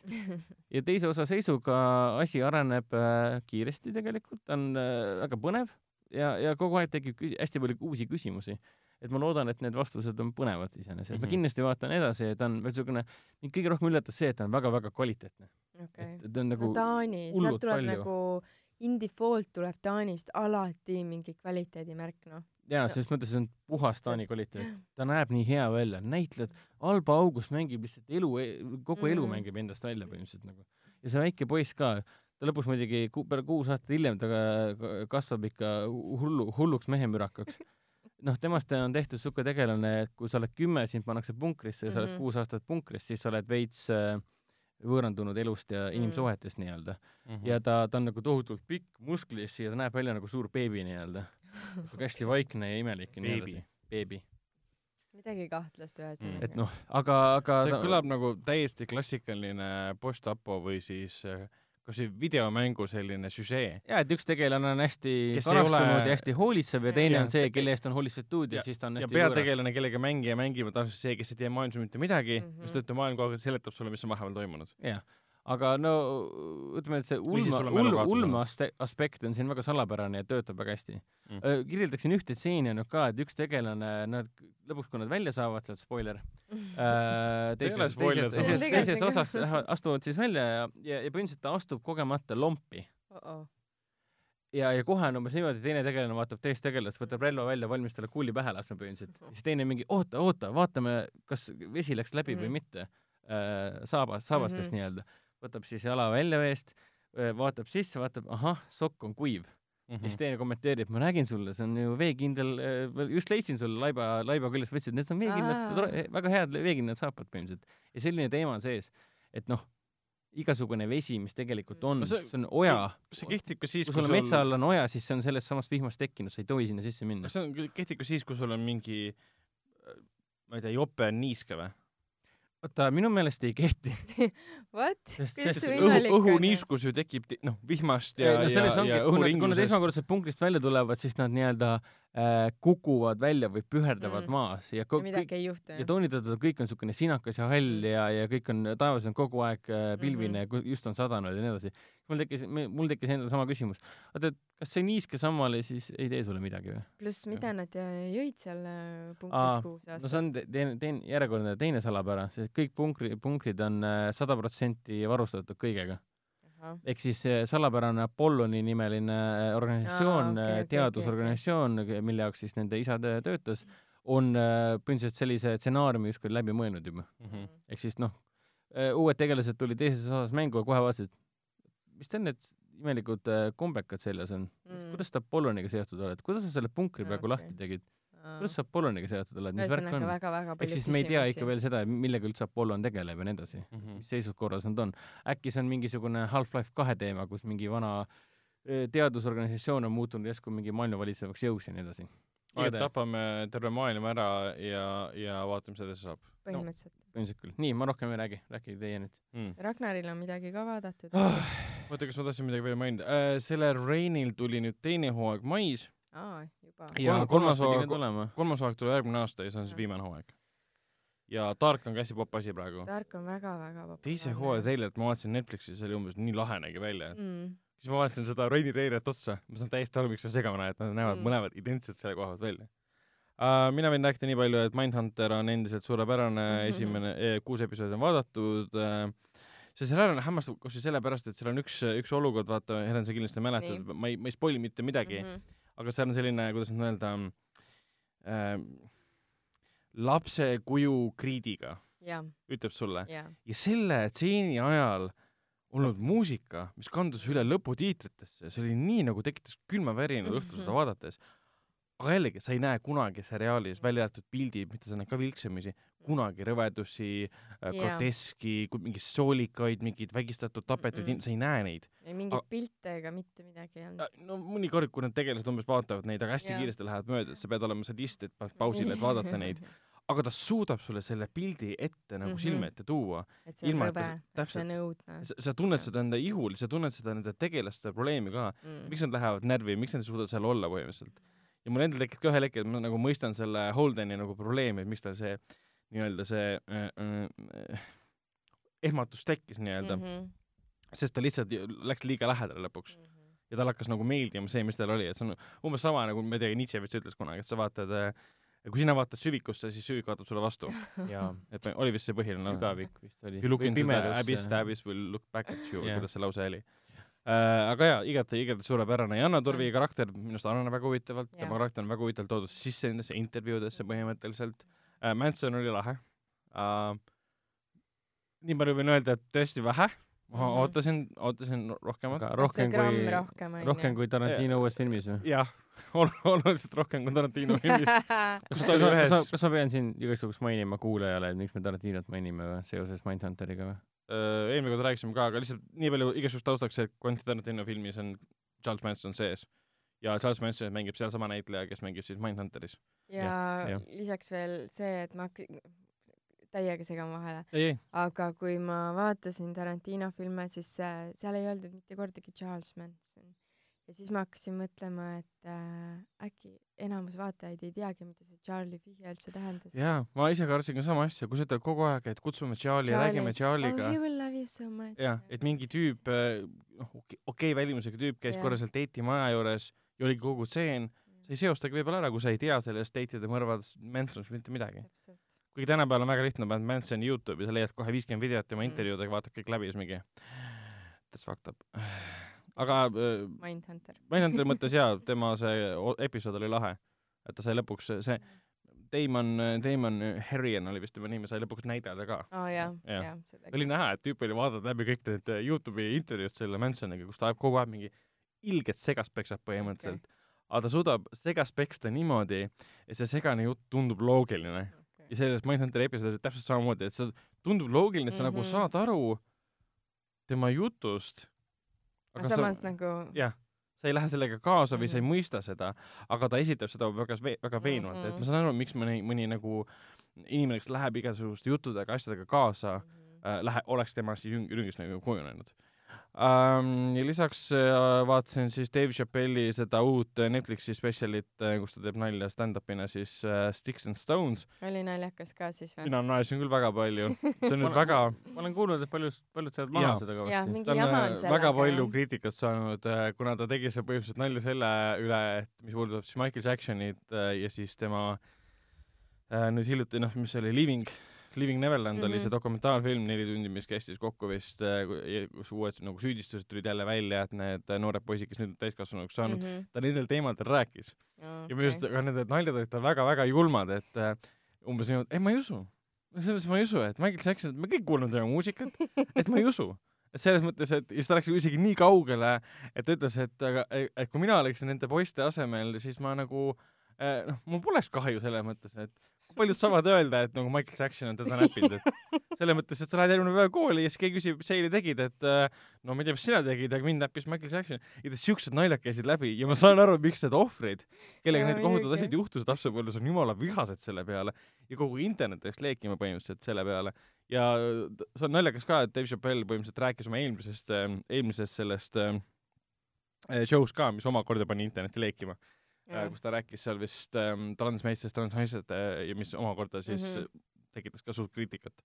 aga noh, see on see, et sa saad aru, et ta ei võta neid asju inimesena, võib-olla ta ei mõtle seda asja nii, Mhm. aga ta suudab selle ümber teha väga vastuolulised nagu naljad ja kogumikud mm.. no koomik noh. täpselt, ja see nagu, see nagu töötas, et ta rääkis ka, et ta kuskil, ta elab kuskil LA-s või kuskil midagi laadset ja et ta siis põhimõtteliselt nägi mingit valget tüüpi kõndimas oma aia lähedas, ta hakkas higistama, jooksis kohe sinna kuradi Walmarti, ostis ostis endale relva sealt, ostis endale shotgun'i sealt ja siis ta nagu põhimõtteliselt kirjeldas seda ka umbes niimoodi, et higistas ja jooksis sinna Walmarti ja kir-, noh, kirjeldas umbes niimoodi, jah, ma nägin välja nagu mingi runaway slave, lägin, lägin sinna, vaatad ringi, et need a gun ja siis ta ostis relva kähku, ta ei teadnud relvast mitte midagi, ta vihkab Mhm. relvi ja siis äh, kirjeldas, see ilmselt juhtunud, tema elus ma arvan, päriselt ei juhtunud see, et ta Mm. oli kodus ühel hetkel ja siis naine ärkas ta üles, et keegi on ma- ukse taga ja oli Mhm. mingi tweaker oli ukse taga olnud ja ta ühe, ühe, esmalt ta võttis mis siis see sõna on?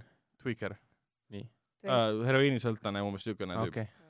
et ta siis tulistas teda, ta ei tulistanud teda päris kuulidega, siis ta, noh, need olid need äh, kummikuulid või? mitte buckshots, aga need, mis spreivad mingisugust aa, need äh, haavlipüstol või? midagi taolist jah, sellega nagu tulistas. Nendega ei saa raske Jah. tappa. ja siis ta kirjeldas seda umbes niimoodi, et tulistas haavliga, vaatas, tüüp kukkus maha, sai aru, et kõik on hästi ja Mhm. siis ta vaatas, oh no, see tüüp oli mitte kokaiinisõltlane, vaid mingi metamfetamiini ja siis tüüp tõusis uuesti püsti ja karjus, läks vastu ukse, siis tõmbas kähku shotgun'i välja, hakkas sellega tulistama. et need kirjeldused ja kõik need asjad, mida ta suudab välja mõelda, mis tegelikult pole kunagi juhtunud ja võib-olla Mm. hoopis ei peegelda seda, mida tema inimesena Mhm. peab õigeks või valeks, on okei, noh, selles mõttes need on väga naljakad. ja siis ta rääkis sellest Michael Jacksoni asjast, mis oli väga naljakas minu arust, ja ta omakorda rääkis sellest R. Kellist ka siis ta rääkis kohe Argilist otsa, et jaa, aga selles mõttes, kui ma oleksin nagu, kui ma oleksin nagu, nagu ve- veaksin kihli, siis nagu ma olen täiesti kindel, Argeli tegi, tegi kõiki neid asju nagu selles mõttes, et nagu jah. ja siis ta rääkis sellest ka, kuidas see Argeli dokumentaali ähm, looja, ma ei mäleta, mis inimese nimi oli, oli vist see Surviving R. Kelly. Sellest dokumentaalfilmist tuligi kogu see info välja, mis põhimõtteliselt Argeli karjääri nagu hävitas. Aa. ja siis ta ütles ka, kolm aastat tagasi see režissöör kuskil äh, backstage'is äh, lava taga oli siis pöördunud tema poole, et kas sa tahaksid Argeli dokumentaalfilmis osaleda mm. -hmm. siis Dave Chappelle mingi ei, ei taha, selles mõttes. ja siis nüüd kaks-kolm aastat hiljem tuli film välja ja siis see režissöör olevat kuskil siis intervjuudes rääkinud umbes niimoodi, et äh, jaa, ma kutsusin Dave Chappelle'iga sinna, ta keeldus osalemast, andes nagu mõista, et noh, ta ei tahtnud rääkida R. Kellist ja Ahah. siis mingi ei, ma ei teadnud, kes on põhimõtteliselt R. Kelly, ma ei tundnud teda, ma tunnen teda umbes samamoodi nagu ma ei tea, mina tunnen praegu Eminemi selles mõttes, ma kuulan tema muusikat, et mul on tema kohta midagi rääkida, siis tüüp nagu valetab, et ma lihtsalt ei keeldusin tulema rääkima, sest ma nagu tean tema tegudest või midagi. et ma ei tea, mina naersin, võib-olla see on minu tüüpi huumor, mis on nagu Mm. väga-väga-väga-väga piiri peal. mulle nagu meeldib see ka, et ta on lihtsalt nagu, ta tulistab, tal on nagu täiesti ükskõik selle koha pealt, Mm. mida ta, mida inimesed äh, temast arvavad. see on väga tore, sest midagi peab ju, midagi peab nagu tegema, jah, et Jaa. nagu olla julge või ja siis nagu lihtsalt nagu tähelepanu pott- potti juhtida ka probleemidele. kas tema ei teinud mitte seda Ahmeti terroristi nalja? Ei, nagu? ei, see see oli see oli see teine, ma ei mäleta enam, mis ta nimi oli. aa, see oli see mingi Juan hoopis. Jaa, jaa, mingi- mm. sa saad kiiresti välja guugeldada. kohe ütlen teile.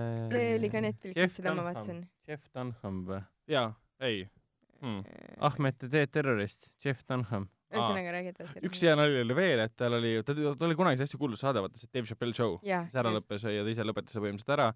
ja siis ta tõi seal välja selle, et äh, kui ta kirjutas ühele episoodi stsenaariumit, ta kasutas seal sõna, kas ma tohin seda eetris öelda inglise keeles no., ta kasutas seal sõna nagu faggot okei. Wow. ja mille peale ta kustutas siis kohe siis nagu sinna HR-i põhimõtteliselt mm Mhm. -hmm. või selline bosside juurde, kes ütlesid Mhm. talle, et kuule, sa ei tohi seda sõna kasutada, see on mingi noh, umbes nagu mängis siiralt tüüpi Mhm. mm, -hmm. et miks, miks ma sellega, miks mm, Mhm. -hmm. nagu ma ei saa sa- sellest aru, miks ma ei tohi. siis mingi, aga selles mõttes, et sa ei ole gei. sa ei tohi. ja siis, ja siis, siis, siis mingi see Dave Chappelle nagu vastas talle, et aga selles mõttes, et aga miks ma tohin siis kasutada kogu aeg sõna nigger. jah, siis mingi selles mõttes, siis see naine vastas, et ah sellepärast, et sa oled nagu mustanahaline. ja siis Dave Chappelle selle peale, aga sa vist ei saa sellest aru, et ma, ma, mina ei ole tegelikult nigger. ja ta tegi, sõnastas seda asja hoopis palju paremini kui mina mm. praegu, aga point oli selles, et noh, tema ei pea ennast selles mõttes äh, niggeriks, täpselt. kuigi ta kasutab seda sõna umbes mm. -hmm. niimoodi ja keegi ei tohi talle öelda, et mina olen noh, nigger mm. -hmm. see on solvav, jah, täpselt, sensiv. Ja see oli nagu nali oli väga hea point, sest mm. -hmm. talle anti mingid load peale, mida ta võib teha, sest ta on see, kes ta on jah. ja siis keegi teine jälle ei tohi, sest äh, tema suhtes midagi öelda halvasti, see solvab kedagi. Mhm. aga kedagi ei huvita, kas sind solvatakse, kui sa oled mustanahaline yeah., võid seda sõna öelda nagu. et ühesõnaga mingid kahtlased standardid. no double standards nii-öelda, aga ja, no, ta on naljakas, minu jaoks ta Mm. töötab, minu te-, tal on vist Netflixis kokku neid vist kolm päris palju, midagi jaa. ma olen ise ka kunagi vaadanud. Mingi hetk ma vaatasin need kõik läbi. praegu näitab küll, et tal on siin kolm tükki peaks olema. no vot, okei. selge. aga lähme edasi, lähme edasi, lähme edasi eelmisel nädalal siis kinodes alustanud äh, filmide juurde. eelmisel nädalal alustasid kinodes filmid Abigail äh,, siis Angry Birds kaks, kurjateinud film, siis Haide linn neljakümne seitsme meetri sügavuses kaks, siis äh, Minu elu algus, siis äh, Minu väike ingel ja siis Pai poisid äh,. meie nendes filmides, kuna noh, mina olin puhkusel ja me kõik olime muud, muid asju tegime siin, kuna suvi hakkab vaikselt lõppema äh,, jõudsime ära vaadata ainult Pai poisid äh,. mis on kahju, sest ma tõesti Minu väikest inglit ja Minu elu valgust, väga sarnased pealkirjad tahtsin aga- väga aga- vaadata ja Haide, Haide linna tahtsin kõigepealt vaadata väga. samas, samad sõnad, aga samas me olime seekord hästi kiired ja vaatasime sellel nädalal alustava äh, musta huumoriga vürtsitatud äh, õuduspuneviku Ready or Not ehk siis pulmaöö peitluse mängu juba Jah. ära. vaatasime tõesti. ja samuti vaatasin äh, ka mina ära äh, erakordse dokumentaalfilmi nimega Apollo üksteist, mis tegelikult alustab äh, järgmisel Coca-Cola Plazas alustab tegelikult kuuendast septembrist. jah, täpselt. aga Et räägime räägime kõigepealt filmist, mis alustas nüüd, nüüd eelmisel nädalal, selleks on siis Pai poisid, Good Boys, mis on siis ähm, omal ajal, omal ajal ähm, Jonah Hilli ja siis äh, Michael Cera ähm, väga populaarseteks näitlejateks teinud ähm, mm, jumal küll, aju plankis, superbad. Superbadi äh, produtsentide poolt loodud film. Superbad ja Sossis Party. jah. vorstipidu. jah, vorstipidu ka ja, ja seal on Seth Rogen üks produtsentidest muidugi ja film on täpselt samamoodi nagu Mindhunter selle koha pealt Mhm., Mindhunter, Wow. nagu Superbad selle koha pealt, mis see praegu oli? et sul on, sul on ropendavad lapsed, kellel on mingi missioon, mis on jälle nagu põhimõtteliselt peole minek, nii nagu siis Superbadis oli. aga mis te arvasite filmist? minu arvates, ma ütlen kiiresti ära, ta oli naljakas, ta oli ropp, ta oli kohatud asju täis, kohatud nalju täis ja ma naersin nagu hobune. Mhm. jah, samad sõnad. minul ei toiminud see. Ei toiminud? mm? -mm. see oli mu jaoks siukene, et aa, see on naljakas mm, -hmm, on küll ja ahaa, ahaa. see oligi Mhm. kogu film põhimõtteliselt. et Mm. äh, sa, see jah, kes minu kõrval siis istusid inimesed, nemad kõvasti naersid ja rohkem mina. sealhulgas. et äh, teid oli päris palju seal ja kõigil oli lõbus ja siis ma mõtlesin, et issand jumal, kas ma vaatan ikka sama filmi, Mm. mida teie. et äh, ma ei tea, see vist oli rohkem poistekas või?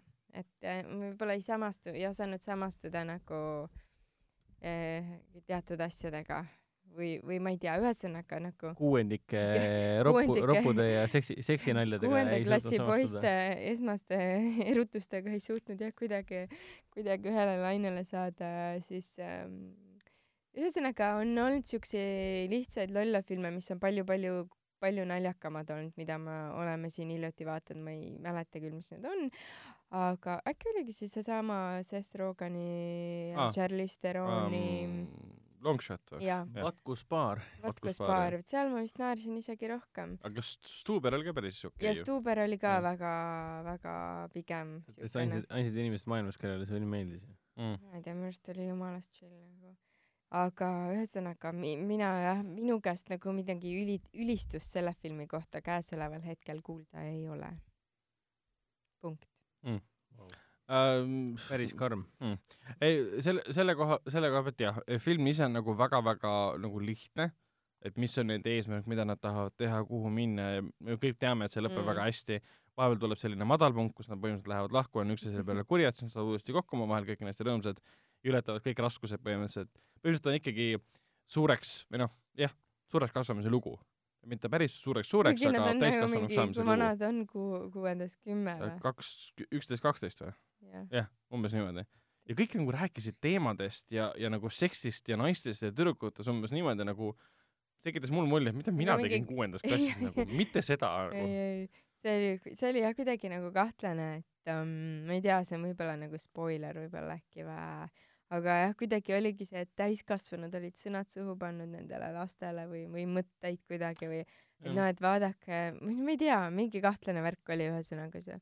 Nad ei olnud nagu väga halb absoluutselt, et need naljad olid siuksed crazy'd ikkagi ja ja väga hästi oli ära kasutatud äh, koomikaelementideni kas seksule, seksilelusid jaa. selles suhtes nagu ikka korduv element. väga, väga no ühe, loominguline. ühe, tegelase ema ja isa vist muuga ei tegelenud, kui ainult mingi seksi, sekspoodides äh, shoppamisega.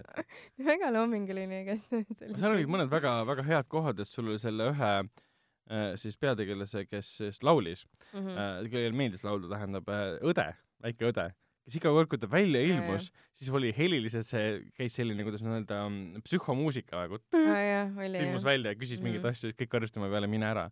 siuksed pisikesed nagu naljad mulle nagu meeldisid ja samal ajal need, need imelikud naljad ka, kus nad lähevad nagu, panevad arvuti tööle ja panevad sinna sisse porb, panevad porni ja vaatavad seal mingi videot, issand, mida seal toimub ja sa vaatad need süütud pilgud, kuidas need avarduvad ja, nii-öelda. ja, et issand jumal, kas siukene hakkabki minu kasuema olema? ja, ja et noh, selles mõttes olid kohati väga lollid naljad, aga nad ei mõjunud nagu labastena, mis mulle selle filmi juures meeldis, et Mm. ja, väga ja lihtne oleks väga lollid ei olnud jah, selles mõttes. Eh, isegi no nagu olid lollid, aga nad ei mõjunud nagu selle koha pealt labasena, et lihtsalt me kasutame seda olukorda ära, sest me teame, et vaataja jaoks on Mm. mm. naljakas. et kui keegi seal näiteks üks tegelane karjus nendele lastele, et hei, hei Stranger Things, fuck you, siis kogu saal naeris, et kõik me oleme Stranger Things'i näinud ja see on nagu kusjuures tõlge ei olnud üldse sellised things. mingi, Jah. mingid nublud või mis ja iganes. midagi taolist jah ei. mäleta ka, mis see tõlge oligi, jaa, see oli. aga ma märkasin seda kohe, sest see oli nagu lause Mm. mm., mida ka treilerites kogu aeg kasutati ja ka eestikeelse tõlgega treileris. aga mis sa tõlkes kasutasid, ma olen siia tõlkesse jutumärkides Stranger Things või? sa ütled seriaali kohta mine ära või? see ei, noh, see ei tööta niimoodi. ja kõik teavad, kõik eestlased, eestlased teavad, mis on see Stranger Things niikuinii, et noh. jah, jah. Pall tänava poisse võib-olla teaks paremini, aga see vist ei anna välja selle. hei, Valderama poisid, minge minema. aga jaa, selles mõttes, et äh, jah, mina naersin, ta oli, ta oli tore, mis kõige meeldejäävam võib-olla selle filmi juures oli minu jaoks äh, lõpp, kuna oli filmi ma ei tea, sulle Helen- Helen vist ka see istus, et kuna see musical number tuli, ja eks Mhm. film, ma ei taha nagu, ma ei taha, viimased kakskümmend minutit oli vist kõige üllatavam üldse. ma ei taha nagu väga Pigem, palju jah. spoiletada, aga lõpus põhimõtteliselt võetakse mingid äh, sündmused nagu kokku läbi muusika ja seal üks tegelane nagu laulab ja siis me näeme sündmuste möödumist ja kõike seda, mis tundub nagu väga mingi kakskümmend aastat läheb mööda, mis tegelikult oli kaks kuud. mida iganes kõik. ja see oli nagu tore, see oli nagu üllatav asi, sest ma arvasin, et ühel hetkel film saab lihtsalt läbi umbes nii, et Mm. jõuavad lõpuks peole, saavad musitada seal, lähevad edasi see. on muidugi naljakas ka see, et film on ju, mis ta oli, poolteist tundi. Mhm. jah, ja, ja, ja siis on see, et kakskümmend minutit enne filmi lõppu on see, et mingi oota, kas siis nagu pea, main story või nagu põhilugu on juba läbi või? mis te veel teete siis? Mhm. ja siis nad täitsid nagu sellise päris huvitava mõtte, mõtte la- lahendusega nii-öelda lahendasid selle lõpu ära nii-öelda. Mhm. et noh, see muusikaline osa ja, ja nii-öelda need ütleme nii, et stiilis kakskümmend aastat hiljem, aga päriselt niimoodi ei ole muidugi. aga noh, stiilis kakskümmend aastat hiljem saavad vanad sõbrad jälle kokku, et mm. -hmm. kui sa oled kuuendik, siis kaks nädalat ja, kahekümne ja aastaga. sa ei näe iga päev, siis on nagu "Meh, mis Jaa, asja?" täpselt, täpselt. Äh, mina ütleksin nii palju, et äh, hästi lihtne lugu, niisugune tüüpiline, meil on mingid lapsed, kolm last, kellel on vaja mingi üks kindel probleem lahendada ja tänu sellele nad satuvad, ma ei tea, nelja, viie, kuue erineva seikluse otsa. jaa, need olid ebareaalsed ja tegelikult nad olid naljakad ikkagi natukene siuksed nagu Jaa. amusing. Aga samas ta on ka üks nendest filmidest, millel, mille jooksul ma kordagi üldse ei mõelnudki, et kuhu see lugu välja jõuab või, või, või et äh, mis see lugu siis on või kordagi ei tekkinud seda tunnet, et ah, minge nüüd edasi või Mm. lõpetage ära, teil on niigi nõrk lugu, et minge edasi mm.. mul pigem tundus, et äh, Seth Rogenil ja see, kes see teine on, kes nüüd temaga koos need filmid Eman, Eman Goldberg. jah, et, et nad said väga hästi aru, et kuulge, meil on hästi lihtne lugu. Nüüd paneme gaasi põhja, kõik roppused, kõik seksinaljad, kõik, mis on vähegi sobilik, kõik, kõik rõvedad hullumeelsed Mhm. naljad, mis vähegi sobilik kuuendik. droogsid, narkootikumid kõik narkootikumid, paneme gaasi põhja ja siis teeme nagu loomingulise nalja selle ümber. me teame, et meil on siuke lihtne lugu, aga see on hästi sirgjooneline lugu. see lugu on tegelikult mingi tund kümme ainult, nii et siis teeme selle hästi kähku ära. Teeme hästi palju nalja, mina naersin lihtsalt kohutavalt palju mm, -hmm, mulle see huumor nagu sobis. et ma saan aru, et Helen oli meie seltskonnas ainukene, kes eriti jaa, ma kardan küll, jah. naermist oli nii palju, ma raudselt võin veend-, väita, et nagu ma kuulsin ka sind naermas. aa, okei, see on see nali. palun Kuigi- lõppe ära. seda ma pean ütlema küll, et jah, nad panid küll gaasi põhja nagu roppuste ja kõige sellega, aga nad samal ajal tasakaalutasid või siis iseennast nagu kohitsesid sellega, et nad alati panid sinna juurde mingi tegelase, kes muutus selliseks moraalijüngriks ja hakkas mm. siis nagu äh, loengut pidama, et mis on tegelikult elus tähtis. Nendele kohtadega segati küll vahele, aga filmi tegijate mõte oli selge, et meil on lapsed, kes teevad kohatuid asju mm., aga paneme siin alati iga selle kohatu sündmuse järel või lause järel, mis iganes mis see see on, õige on? täpselt mingi, no see mingi on see, see on see, tegelase see see nii-öelda moraalne eetiline meeldetulek. Jaa, paneme sinna mingi tegelase juurde, kes põhimõtteliselt teeb selgeks vaatajale, et tegelikult me niimoodi ei mõtle, et parem Jaa, elu on ikka see, kus sul pole narkootikum. eesmärk pole ju lapsi äh, labastada või siis Mhm. äh, muuta nad hulludeks, vaid Mhm. pigem ikkagi tuletada meelde, et neil on üks on kindel eesmärk ja neil on peavad nad nagu lihtsalt lah-, nad vahendeid valimata täitma oma eesmärgi, et see on nagu tähtis. aga mina jäin nagu filmiga rahule, et ütleme nüüd paari aasta pärast vaataks täitsa uuesti, ma ootaksin järge lausa, et mm -hmm. ma Mhm. tahaks näha, ma tahaks näha triloogiat Good Boys kaks, kus nad on teismelised. kuna meie peategelased on siin kõik, Jacob Trembli mainisite juba või? ei, Jacob Trembli üks peategelastest, mis on meie aja hetkeseisuga meie jaoks kõige kuulsamaid noori lapsnäitlejaid. kuna ta oli siis selles uues Kiskja filmis, siis ta oli selles, Selles, selles, selles äh, Väikses imes. väikses imes ja, popiks ta sai muidugi selles Brie Larsoni Os-, Oscari draamas Ah, jaa, äh, Tuba. The Room, The Room, Ruum, The jah. Tuba. ja no, ei teen-, mitte Teeruum, Ruum. Ruum, ja et mitte segamini ajada ja tema Tommy teeb siin, Neid ruume on sitaks nagu tõsiselt. tema siin täpselt umbes selline, et koh, ma olen mingi auhindade lemmiklaps ja nüüd ma olen ropendanud täiega, et Mm -hmm. Et äh, ilus, armas lugu, hästi palju huumorit ja see, see ropp huumor mulle nagu toimib ses suhtes. eriti ühesõnaga veel, see, kui need lapsed karjuvad üksteisele kogu aeg, noh, tee nüüd see ära, ei, ma ei taha ära teha, oh my god, ja siis kogu aeg tulevad mingi vanemate seksinaljad sisse, see on nii tore. see on nii armas Mm. äh, et no selge. ma ütleksin seda, et ähm, et see on, see film on hea võimalus kõikidele ägedatele onude onudele tädidele kuidas plusspunkte saada oma noorte sugulaste Jaa. võtad nad kinno kaasa. võtad kinno seda kaasa alla neljateistaastastele keelatud näitab filmi päris. filmi, et noh, ta võiks ikkagi neliteist olla või kolmteist ja pool, et sellel aastal numbris võiks ikkagi neliteist saada. päris, Ühesõnaga- päris kümnesele seda ei soovita kindlasti. mm. -hmm. mina filmi soovitan. film on ka neliteist, nii et Henrik, väga suure põhjusega. mina soovitan ka. Helen, nii ja naa, ma ei tea. Väga tasakaalustatud äh, reaktsioon, mulle meeldib see, et ei ole alati sellist äh, ühest arvamust, et näe, see on meistriteos. aitäh sulle, Helen. et meistriteos ta kindlasti pole ja ma olen Heleniga kriitika osas täiesti nagu selle koha pealt nõus, et ta nüüd mingi, ta ei, ta ei tee midagi nii lahedat, nagu omal ajal vähemalt minu jaoks tegi see mm, Superbad. et see oli kuidagi lahedam kui see praegu näiteks. aga võib-olla asi on ka selles, et see on jah küsitav, et kas vaata Superbad oli nagu vajalik, et noh, tollal oligi niisugune aeg, et kui nohikud tahavad ka ägedad olla ja nii edasi, et noh, -hmm. American Pie ja kõik see, et no alati on see, et mingid nohkarid on, tahavad olla kuulda poiste hulgas, jaa. Aga nüüd on see, et- et nagu siin on täpselt sama sisu oli jälle see, et noh, ma tahan ka kuul-, no nad lähevad ju musitamispeole ja siis nad kaotavad trooni ära ja mis iganes veel, et noh. aga siin ei, kas teil tekkis endal tunne, kas siis, kas siis praeguses äh, noortefilmide kihi, kihi, kihtides on puu-, oli puudu selline hädavajalik film nagu Good Boys, mis tuletaks meelde, et äh, äge on olla noor ja, ja anname kuuendikele ka nagu võimaluse särada või? ei no selles mõttes ammu pole jah tõesti olnud sellist filmi, kus on lapsed peas, kes ropendavad, aga jah. iseasi, kas see kas ta just sellisel kujul Jah. ja, ja sellise sisuga peaks olema, selles ma küll Ja- sügavalt kahtlen. samas see- iseasi, kas ma puudust nagu tundsin üldse sellisest Absoluutselt mitte. samas nende no samade tegijate seda sotsispartit ehk siis vorstipidu saab väga hästi võrrelda tegelikult ju sellesamuse Good Boysiga, sest mõlemad on nii-öelda lastefilmid, sest mm. -hmm. Ühes on anim-, Jaa. arvutianimatsioonitegelased ehk siis toiduained peaosas ja siin on kuuendikud. aga kumb tegelikult töötab sellel tasandil paremini, et uh, uskumatu, mida te tegite.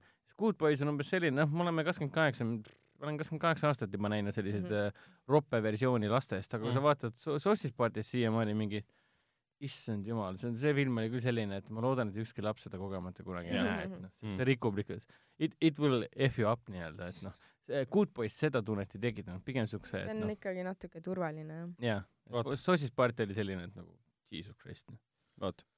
aga järgmisena räägime filmist äh, Ready or Not äh, ehk siis äh, Pulmaöö peitusemäng. nii, Ready or Not, Pulmaöö peitusemäng on uus äh, õudus, õudus, õudusfilm, mis on lavastatud äh, Radio Silence'i poolt, ehk siis see on selline mm, kahe mehe kollektiiv äh, Matt Bettinelli Oltmin ja Tyler Gillett.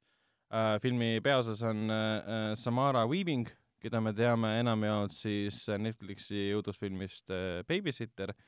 Ja tal oli ka väike roll selles kolm reklaamitahvlit linnaservas, kus ta mängis siis John Hawkesi ähm, eriti rumalat blondiinist uut, uut naist. Äh,. film ise on siis jah, pigem nagu slasher.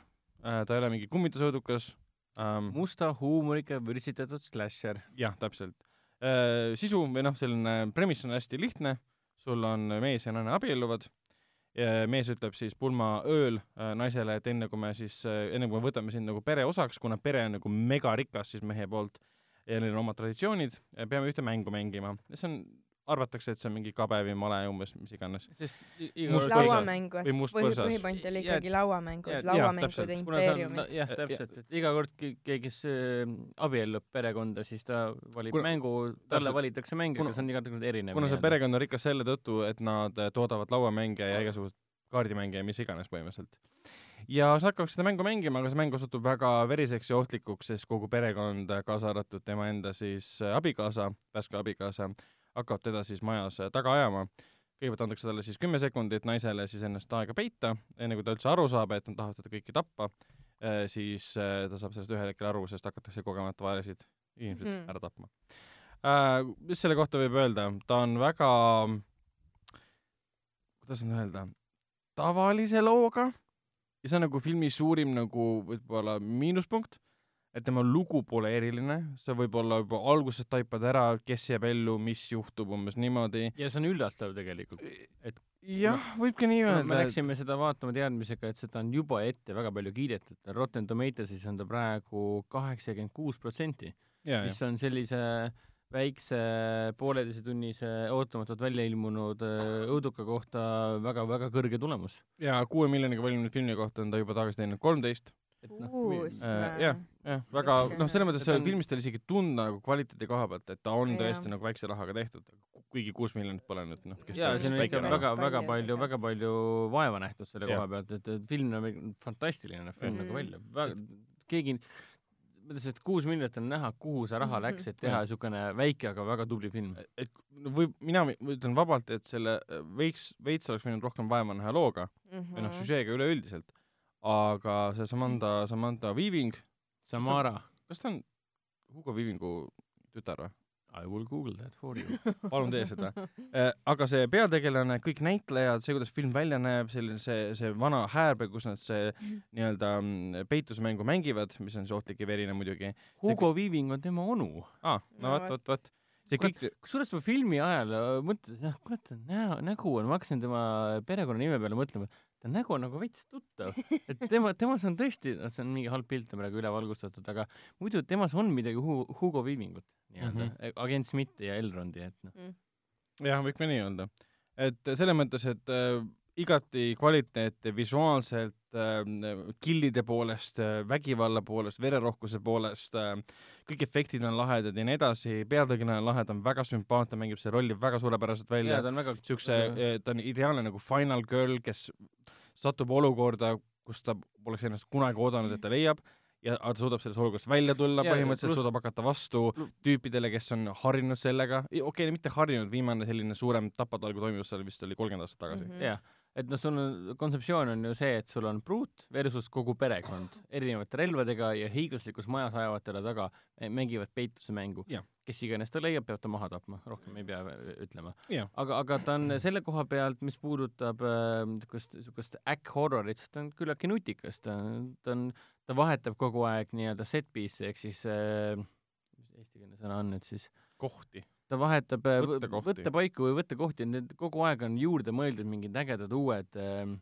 set piece'id või võttekohad, kuhu nüüd järgmisena võiks see äh, põgenev pruut nii-öelda sattuda, et mitte surma saada. Mm -hmm. et selle koha pealt on ta väga action heavy ja väga naljakas ka, et see, see perekond on väga lahedatest näitlejatest kokku pandud, üks nendest on ka Aiden, Aiden Brody näiteks, kõik on mingid vanakooli tegelased tegelikult, ütleme, eriti see pereisa, et nime ma ei teadnud teda, aga nägu on küll niimoodi, et mingi I know that guy, Jaa, jaa. ma olen teda näinud igalt ja poolt. kusjuures siis nagu selle nii-öelda äh, pruudi kättesaamiseks nad kasutavad ka mingi sajandeid vanu relvi põhimõtteliselt Mhm. mm -hmm. nagu ammud ja mingid vanad musketid ja traditsioonid ja nii edasi. täpselt, ja nad teevad seda kõike siis sellepärast, et see käib treileris ka läbi, see käib igalt poolt läbi, et nad peavad ära tapma, kuna reeglid näevad niimoodi ette ja kui nad seda ei tee, siis juhtub nendega midagi halba. kas see juhtub, seda saavad juba igaüks see on ise see, mida teada. nad usuvad, et jah et kas see ka tõele vastab, et kas tõesti peaks nendega midagi halba juhtuma, et peate minema kinno ja vaatama. mm. -hmm. aga selles mõttes, kui sa vaatad nagu slasheri loogika alusel seda filmi, siis siin olid need klassikalised siuksed rumalad otsused ja siuksed lollused sees, mida sa mõtled kohe, et nagu noh, sa hakkad mõtlema enda positsioonilt, et Mm. mina niimoodi ei teeks, kui ma oleks antud olukorras. sa nagu veits vaatad seda neiut, seda pruuti, ikka tema ole, oleks pidanud ju targem olema. mm,. oleks võinud ikka nii mõneski kohas tõesti natukene rohkemat suuta kui ainult karjuda ühe koha peal ja vaadata tühjusesse nagu. no täpselt. et see ühel hetkel, no ta karjus tõesti väga hästi, väga meloodiliselt mainida ja, ja minu väga see- loominguliselt. see karjumine läks iga, iga kord, kui ta vist mingi kümme korda äkki karjus või?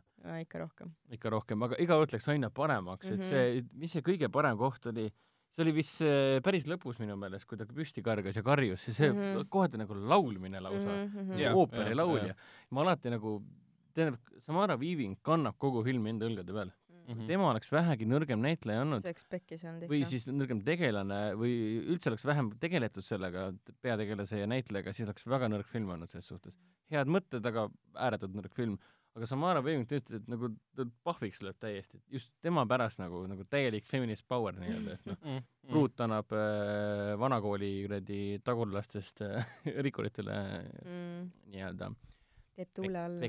ja nii-öelda ikkagi alamklassist pärit, Jaa. nagu me loo jooksul saame teada. jaa.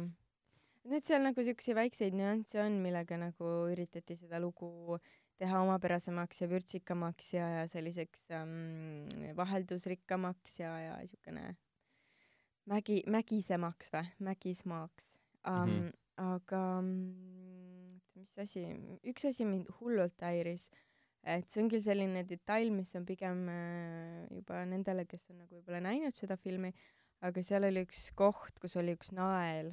No okei okay,, kui me näeme kuskil ah, jah, kus turritab välja nael, no ah, jah. ilmselgelt sellega juhtub midagi, et noh, see nagu no, umbes nagu relvaga, et peab pauku tegema. aga, aga see minu jaoks oli nagu küsimus see, et miks vaatajale seda näidati enne, et äh,, et see oleks nagu, sest see rikkus kogu asja ära mm. -hmm. ja kuna me teame ju tegelikult seda, et äh, see lugu ei saa lõppeda niimoodi, et see neiu oleks sinna jäänud, kus ta oli sellel hetkel, et miks see nagu ära rikuti, et siis noh, et see oligi see koht, et kas see on nüüd see loominguline väljapääs mingisugusest olukorrast või, või et mis tast saab, et kas ta jääbki sinna, mis iganes lõksus ta on et, et ma ei saanud nagu sellest aru, et see mind tõsiselt häiris, et miks nagu Ah, no,. see- oleks, ta oleks olnud ju see- üllatavam siis, kui jaa. ta käigu pealt lööb käe sinna, üritab nagu välja pääseda kuskilt, siis me avastame, et tal on nael seal siis sees on pekkis onju, mis sa, mis sa jälle räuskad onju. et noh, selles mõttes naelad on filmides hästi töötanud, aga mm. -hmm. need on hästi ette mängitud ka. Mhm. võtame kasvõi selle kuradi äh, Home- Home Alone või? Home Alone'i, seal oli pikalt see Mhm. nael ette mängitud, see oli mingi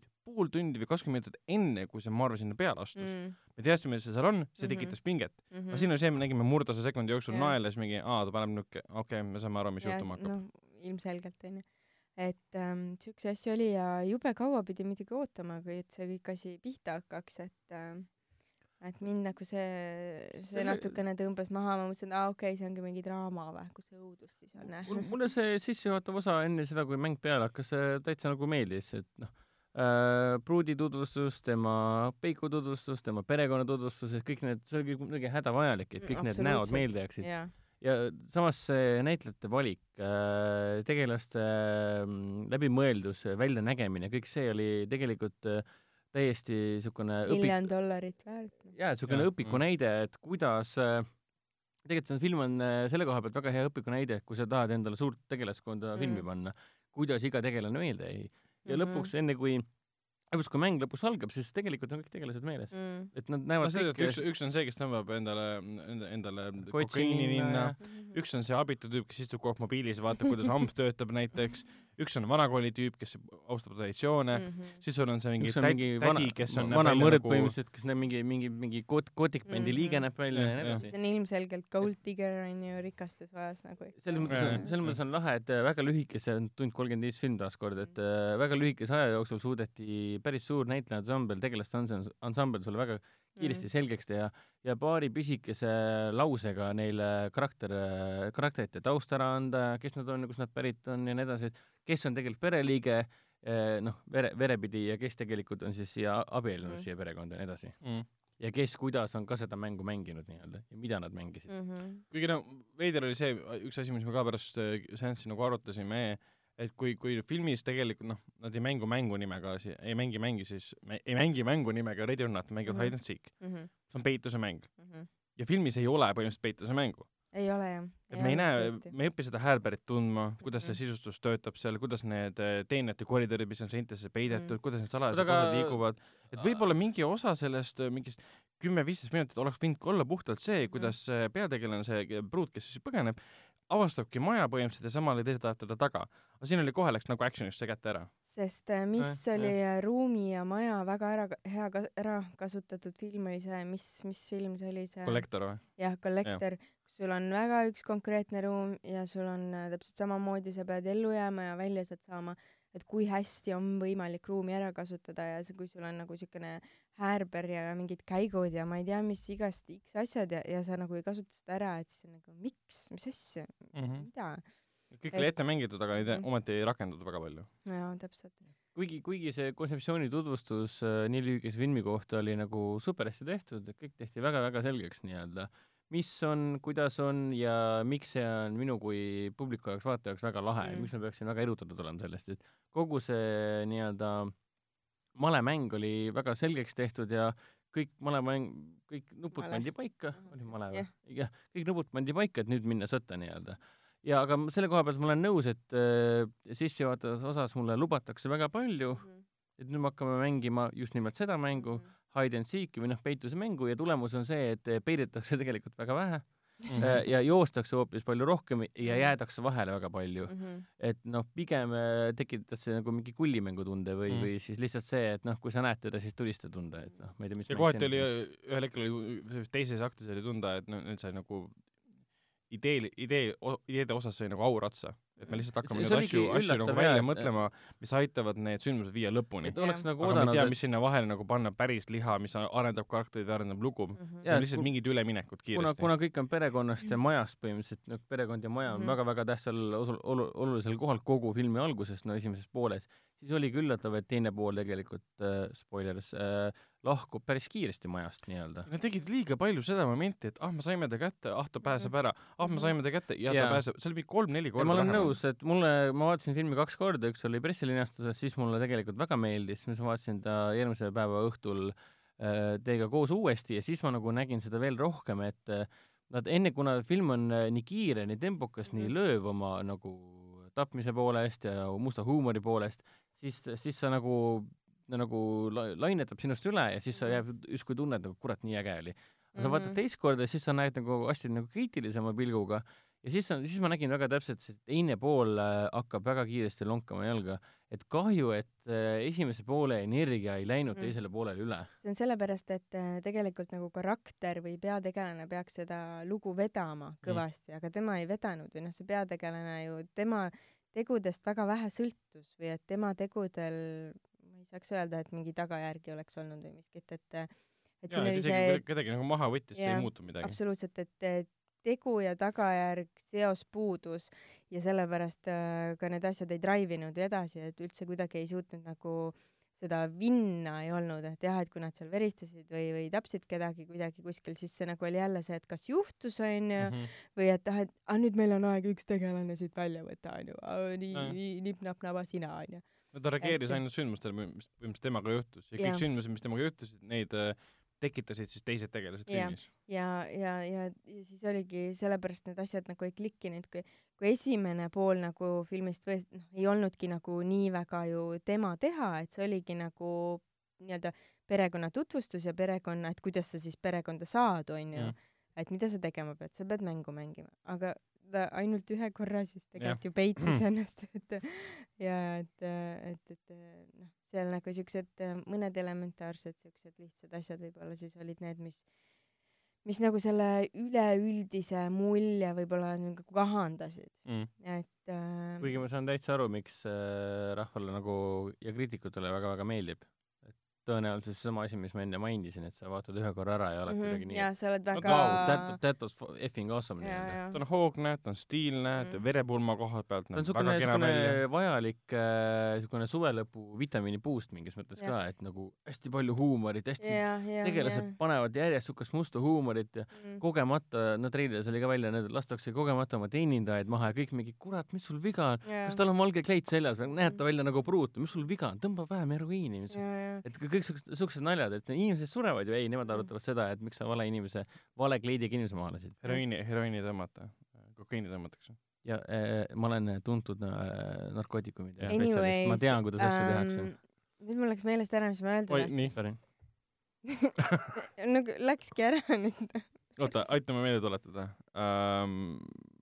tegi ilmselgelt ah,, ühesõnaga jah, see vist ei olnud küll see, mis ma öelda tahtsin, aga overall look nagu, aa, see tuli meelde nüüd, et eh, ta ei olnud eh, nagu sisult liiga sügav, ta ei olnud nagu mingi Mm. deep mm. eneseleidmine või, või mingisugune pereväärtuste hoidmine seda või mingit, mingit assilikku teemat, mitte assi, sorry, get out'ilikku Jaa. teemat oleks võinud siin olla. et sellepärast ta oli ka nagu selles suhtes natukene võib-olla nõrgem või, või nagu mitte siukene, et sa ei ela nii väga kaasa, et noh, miks siis äh, noh, miks või et noh, mis mul nüüd sellest on, et, et selle peategelasega nüüd läks nii või et mis lõpus juhtus, et, et, et temale see kaasaelamise faktor tegelikult oli ju puudu. aga mis ta sellest nagu kogu sellest elamusest mis ta õppis, mis ta sai?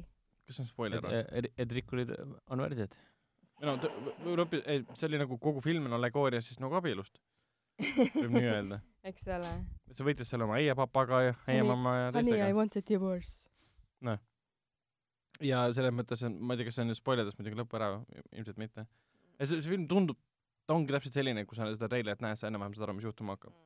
aga jah, võib-olla tõesti, kuna tal see sügavus puudus ja kuna need reissurid ei ole tegelikult debütandid, nad on varem ka teinud, Mhm. aga veits oli jah tunda, et see kuus miljonit läks rohkem nagu kõikide muude lahedate efektide peale ja tempo ka, ja kõige jah. muu asjade peale, et verepulm läks sealt uus välja umbes niimoodi, aga lihtsalt story peale või noh, loo peale väga palju ei hakatud rohkem nagu mõtlema peale selle esialgse Mhm. eskiisi, mis oli paika pandud. Ja kui sa rohkemat ei otsigi, siis see on nagu okei okay..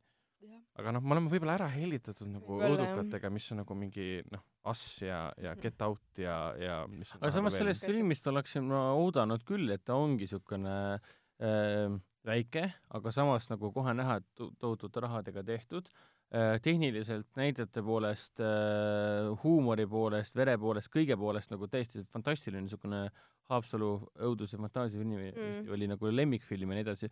täpselt niisugune film, mida sa nagu tahadki vitamiini boost'ina saada. ja pluss see, et ta pakub sulle midagi sügavamat ka kui lihtsalt äh, ringi jooksmist ja, ja noh, erinevate relvadega mahanottimist äh,. kuhu ma tahtsin nüüd jõuda ah,, seda me nagu ootasimegi, et ta ongi sügavam ka, jah, sügavust seda küll pakutakse jah. ka, et võib-olla ikka, ma olen siiamaani veits niisugune mm, üllatunud, et, et ta ei olnud seda, mida ma lootsin ja arvasin, et ta on puhtalt kriitikute pärast äkki. ma ei teagi, mida ma täpselt arvasin või ootasin, aga, aga midagi natukene teistsugust, võib-olla selle, et see peategelane võib-olla tundus kuidagi teistmoodi meediakajastuse läbi või et äh, ma ei tea, miskit nagu, teine asi oli ka see, et äh, tegelikult tal oli liiga vähe sõnu, tal oli liiga vähe öelda. ta ei, ta ei rääkinud piisavalt, ta ei olnud piisavalt li- vihane, õnnelik, kurb, et äh, ainuke see frustratsiooni element oligi see, et ta karjus, onju Mm. mm.. karjumine pigem väljendab ühte emotsiooni. aga et, et see, et osade kohtade peal oli mul ka siuke tunne, no ütle midagi, no räägi lihtsalt, no ütle midagigi. et, et jah, see nagu jäi häirima väga. selles mõttes, et, et abielu kujutava õudusfilmina on äh, Ema või noh, Mother isegi veel ägedam. Ema. Darren ja Aronofsky Ema. aa, issand jumal, sellega ei tohi sa võrrelda. see oli imeline, see oli väga selles hea film, seal oli kõik issand, ma arvasin, et meile näitab, mis asja, see on nii halb film, sa räägid sellest praegu see on siin. nii hea, see oli üks mu lemmikfilme, kõik vihkasid seda filmi, see oli mulle hullult meeldis, see oli kas see tõesti on kuskil suurepärane. praegu üleval ka Netflixis või? võimalik, kuskil ma nägin. Let me Netflix ma ei ole seda uuesti vaadanud tegelikult kordagi. mina ei ole, no vot ongi see, et tal oli nii tugev, Mother siis Aronovski filmil oli nii tugev sõnum ja nii kindlad tegelased, kes kandsid mingit uskumust, tahtmist, nõudsid oma õigust ja vaata, see film oli lihtsalt nii jõhker, et seda on nagu väga raske uuesti vaadata ja kui ma peaks seda oma väikse, noh, mitte väga väikse, aga piisavalt väikse teleka ekraanilt vaatama, mis ei ole nii suur nagu kinoekraan, siis, siis ma oleks natukene mm, frustreeritud võib-olla äkki või. et see Aronovski lihtsalt on nagu nii võimas. Absoluutselt. väga nüüd, kui te mainisite jah, et äh, tegelikult mis filmist kõige rohkem meelde jääb, on tegelikult kolm asja või noh, tegelikult kaks asja. see on see, et Samara Viving mängib lihtsalt nii kuradi hästi, kuratlikult hästi, ta teeb hullult palju tööd. Pulma filmis siis. Pulma, jah, jah, Pulma filmis siis Pulma mm. -hmm. peituse mäng. kolmas asi on ka siis see, pealkiri mm. -hmm. eestikeelne pealkiri. ah jah, väga andekas pealkiri On peaks ütlema. mis sa veel teeksid, Ready or not nagu? oled sa valmis või mitte? no näed, oled sa valmis nagu nagu..., küsimärk, et noh, see on õudusfilm, aga kui sul on pulmaöö peituse mäng nagu äh, ausalt, ausalt öeldes aitäh sulle, ehk kes sa, kes sa selle, ma juba aiman, kes see olla võiks, võis tõenäoliselt üks filmi levitajatest, et aitäh sulle, et selle pealkirja eest, et see on tõesti rabavalt meeldejääv, et kui ma olen rääkinud kinos ja vaatan, mida vaatama minna sealt tabloo pealt ja siis seal on pulmaöö peituse mäng ja pluss siis väga äge poster ka. poster, kus jah. siis äh, pul-, tähendab pulmakleidis tšikk oma relvadega, siis mingi okei okay,, lähme seda no vaatama. täpselt. poolteist tundi ma jõuan bussi peale ka. Ei probleemi, ei kestagi kaks ja pool tundi, et noh. selle koha pealt ta täidabki oma eesmärgi tegelikult päris hästi. aga, aga ma tahtsin selleni jõuda, et, et Samara Viving on ääretult tugev, aga tema enda karakter alguses selgitatakse ära, mis on tema taust, miks ta tahab sellega abielluda, ma saan aru, armastus ja puha see mm, -hmm. aga Mhm. tegelikult ka see, natuke sellepärast ka, et te olete nagu sitaks rikkad ja puha Mhm. et noh, nad teevad küll nalja selle Mhm, üle, et ma mhm. abiellun sinu pärast, et sul on palju raha, aga tegelikult on see, tegelikult muidugi mitte, aga noh, jah. ja, ja. aga, aga huvitav on see, et tema enda, peategelase enda karakterit, tema tausta ja kõike seda eh, lõpuni ei mindagi, vaid noh, ei, tutvustatakse lihtsalt ära nagu character exposition tehakse ära, aga selle juurde jäädaksegi. Mhm. aga erinevalt siis teisest väga olulisest asjast, mis filmis säras tegelikult lisaks Samara Viivingule, on ju maja ja äh, mm Mhm. -hmm. võrdusmärk perekond. Mhm. ehk siis kogu see kontseptsioon, mis seal majas toimub, mis selle perekonna toimub, miks nad neid asju teevad, see oli algusest peale väga hästi läbi mõeldud. Et, et tundub, et tundub, et see oligi esimene asi, mis nendel stsenaristidel, režissööridel nagu esimesel pähe tuli ja see arendati täiesti lõpuni Mhm. kas välja. mitte perekonnal oli kokku nagu rohkem ekraaniaega kui peategelasel? ma ei tea, majal kindlasti oli väga palju ei, see võib täitsa olla, sest neid oli päris palju seal ka Jaa. ju. ja nende oma omavaheline dünaamika ja Mhm. jagelemine oli tegelikult palju huvitavam Mhm. kogu see noh, peategelase karakter ise.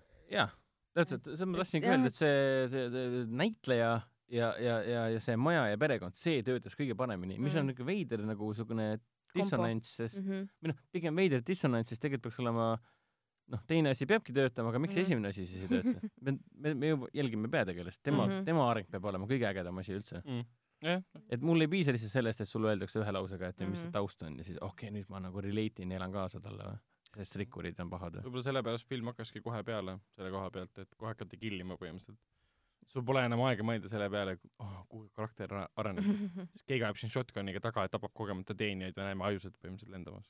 aga samas ta on, mis puudutab huumorit, siis ta on nagu rikkalikult nagu, nagu napakalt kirjutatud Mhm, selle koha pealt.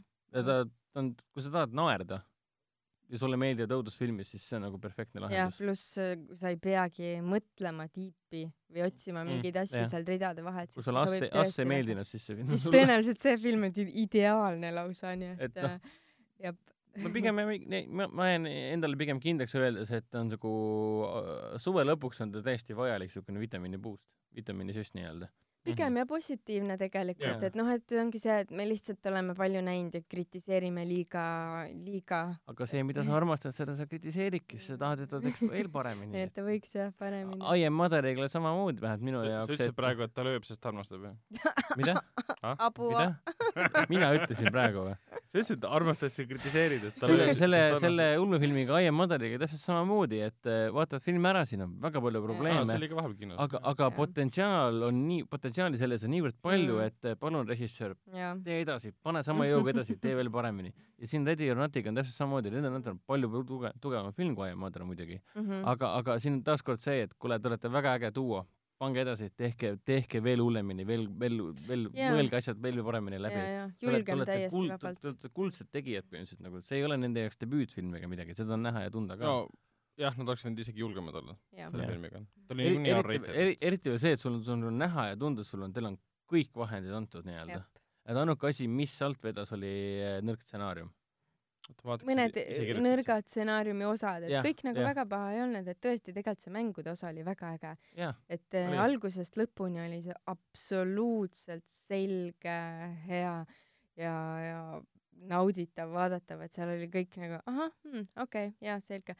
noh, ja kusjuures nad kasutasid tegelikult seda väga palju ära ju karakterite juures, dialoogi juures mm., et äh, see käis kogu aeg läbi algusest lõpuni ja nad ise olid kõik väga rahul sellega ja et noh, selles suhtes see tegi filmi nagu huvitavamaks, rikkamaks, et, et oligi see, et tegelikult võib-olla see probleem lihtsalt oli see, et selles filmis oli nii palju teemasid, neid siukseid väikseid teemasid, et see üks suur message võib-olla kadus kuskile ära, aga, aga muidu enam, tegelikult ta toimis, et seal nagu midagi nii hullu ei olnud, et äh, välja arvatud see nael aga, aga kõik muu oli ju tegelikult suhteliselt okei ka. ja kitsed olid ka toredad. aa kurat, mina ei saa siiamaani aru, mis värk on õudusfilmides kitsedega see Kas- alati, kas, kas keegi on guugeldanud või, või midagi või? no see on, see seostub ju filmi ähm, oota, see seostub, see ei seostub, räägi. kitsed seostuvad ju põhimõtteliselt nagu äh, satanlike äh, praktikatega põhimõtteliselt. mul sa pead, tuli sa see, pead, sa pead veristama kitse ja siis just kitse jumala eest, mitte jänest või oravat või, või, või kiisumiisut või Kiisumiisut. pointukest või see on ju, kui me räägime satanismist ja saatana piiblist ja sa- satanistlikest filmidest või teemadest, on alati seal kuskil must kits vahel, kes vaatab sind nagu selles Witchis oli see ege, ja ma just mõtlesin just seda Witchi jah, ja, sellepärast. ja siin oli ka põhimõtteliselt sees ja kuna siin ühel hetkel räägiti filmi jooksul ka, siis ei spoilida midagi nagu ohverdustest ehk siis tapmine ja kõik see, siis nagu seostub jälle sellega, et kits on kuskil vaesed kitsed, millega nad selle ära teeninud on, kitsejuust on jumala hea nagu. mm.. satanis-, satanistliku satanistliku kitse kitsejuust. see võiks mingi uus toode olla poes, et satanist saab poodi minna. mina, mina seda juustu ostaksin. see kusjuures veid-, jah, ei ma, jah, see on veider, ma tulin kinno taksoga, mille number oli kuus, kuus, kuus. see läks veits nagu kokku asjadega, mis oli tore. no selge, igatahes põhimõtteliselt me oleme enam-vähem filmiga rahul, kuigi mm -hmm. me lihtsalt võrreldes muude asjadega, mis me oleme vahepeal näinud oma elu jooksul viimasel rohkem. ajal, oleks tahtnud rohkem, aga ta on lõbus ja täidab oma eesmärgi. jaa, ma mõtlesin, et nagu õudukate fännidele on see nagu rusikas ilma see sobiks. kindlasti ka mu- mitte-õuduka fännidele, et jah, äh, jah, jah, komöödia fännidele. jah, täiesti vabalt. vot, enne kui me räägime siin kolmekesi esimest korda sellest saatest ähm, Tarantino uuest filmist natukene, räägib meile Hendrik äh, dokumentaalfilmist Apollo üksteist, mis alustab tegelikult siis äh, Foorum Cinemas kinodes kuuendal septembril, aga nüüd podcastis alustamise päeval äh, sai Hendrik juba ära vaadata siis ähm, esilinastuse, kus siis äh, Mart äh,, Mart Noorma käis ka siis filmi sisse juhatamas ja vastas küsimustele, mis kõik olid umbes siuksed, et ähm, me ju ei käinud kuul, et kuidas see film ei olnud kõik. aga sa rääkisid enne, et kõik küsimused olid umbes ei öelnud kõik. üks, maakera on lame ja, ja kuul me ei käinud. üks naljakas küsimus on, see on see kohustuslik küsimus, kui keegi räägib äh, inimese toimetamisest kuu peal, siis alati keegi küsib, et kuule, aga päris palju vandenõuteooriaid on, et seda pole kunagi juhtunudki, kuidas kommenteerite? igatahes täna oli siis Apollo üheteistkümne ühe väga unikaalse ja erakordse dokumentaalfilmi esilinastus, mille juhatas sisse ei keegi muu kui meie enda esimest kosmosemissiooni S-Cube'i, S-Cube'i äh, Mhm. juhtinud Mart Noorma. ta umbes äh, viisteist, kaheksateist minutit juhatas sisse ja tõesti, ma, olin ise ka naelutatud täiesti äh, tooli äh, sisemusse, sest äh, nii huvitav oli kuulata spetsialisti rääkimas äh, kogu sellest äh, Apollo missioonist ja mis, mida ta üldse tähendab, maandumine ja kõik, kõik see, et nagu ääretult huvitav ja põnev. film ise äh, hakkab meil jooksma ka kuuendast septembrist nii-öelda limiteeritud väljalaskena, et otsige kindlasti ülesse äh, kõik, kõik koolid ja, ja, ja nüüd, kui kool algab, on eriti hea aeg seda vaatama minna, sest äh, see on väga õpetlik film. põhimõtteliselt eelmisel aastal oli Damien Chazelle ja Ryan Goslingu film äh, First Man, mis äh, käsitles täpselt sama teemat, et kuidas siis Armstrong ja, ja te, teised tema äh, semud äh, kuulmaandusid. see film on põhimõtteliselt poolteist tundi äh, arhiveeritud materjali äh, mis siis taas loob või siis näitab dokumentaalsel kujul, mismoodi reaalselt mindigi poole, pooleteist tunni jooksul näeme ära, mismoodi astutakse põhimõtteliselt raketi sisse, lennatakse kosmosesse, maandutakse kuul, tõustakse kuult ülesse ja maandutakse tagasi maa peale nii lihtne ei, oligi. ei kõla eriti põnevalt, eks, aga asja muudab väga väärtuslikuks see, et tegemist on äh, viiekümne aasta taguse arhiivimaterjaliga, mille siis filmitegijad on, mis ta oli, kahe aasta jooksul kokku pannud selle meeletu, meeletu materjali ja leidnud selle narratiivi just sellisel kujul, et oleks materjali, mida näidata ka. ja kõik on nagu digitaalselt äh, taastatud, taasloodud, kõik äh, heli äh,, kõik, kõik muusika, no muusika on muidugi ise loodud, aga heli ja pilt on see, mis nagu tä-, täiesti rabav, me vaatasime, esilinastus toimus Iceland saalis ja täiesti rabav oli vaadata, 4K pildi kvaliteet ka veel, seal on tohutud ilusad suured pikad kaadrid äh, kogu sellest nii-öelda äh, tehnikast, tehnoloogiast, ettevalmistusest, kõik on surmtõsine, kõik on Mhm. äh, kuidas see ettevalmistus käis, kuidas nad suhtlevad omavahel, kogu aeg kordatakse sama asja ka, et nagu nii, kas see asi on valmis, on valmis jah, kas midagi lekib, jah, sealt midagi lekib ja nii Mm. edasi, et kogu aeg käib niisugune süstemaatiline asi. kas seal käis ka niisugune ülev muusika nagu Interstellaris ja First Manis või? First Manilik muusika oli küll Jah. Ma ei mäleta, kes selle, kes see helilooja enam oli, aga väga niisugune muusikaga üle mängitud äh, ja seda jutustajat ka filmis ei ole. alguses on natukene abistav tekst, aga see on kõik omast ajast pärit nii-öelda, kuidas tollal kantigi seda üle ja kuidas siis Mm. ka oma inimestele äh, seal Houstonis äh, kõike seda mm, et mis päriselt nagu toimuski. Täpselt, jaa, hästi detailne kirjeldus nii-öelda. et üks inimene kogu aeg räägib, et mis toimub. see oli Mhm. kuskil filmi esimeses pooles äkki mingi viisteist minutit. Ja ülejäänud aja me kuuleme dialoogi nii-öelda kosmoselaeva mm. mm. ja siis äh, pea, peakorteri vahel mm Mhm. -hmm. nii-öelda.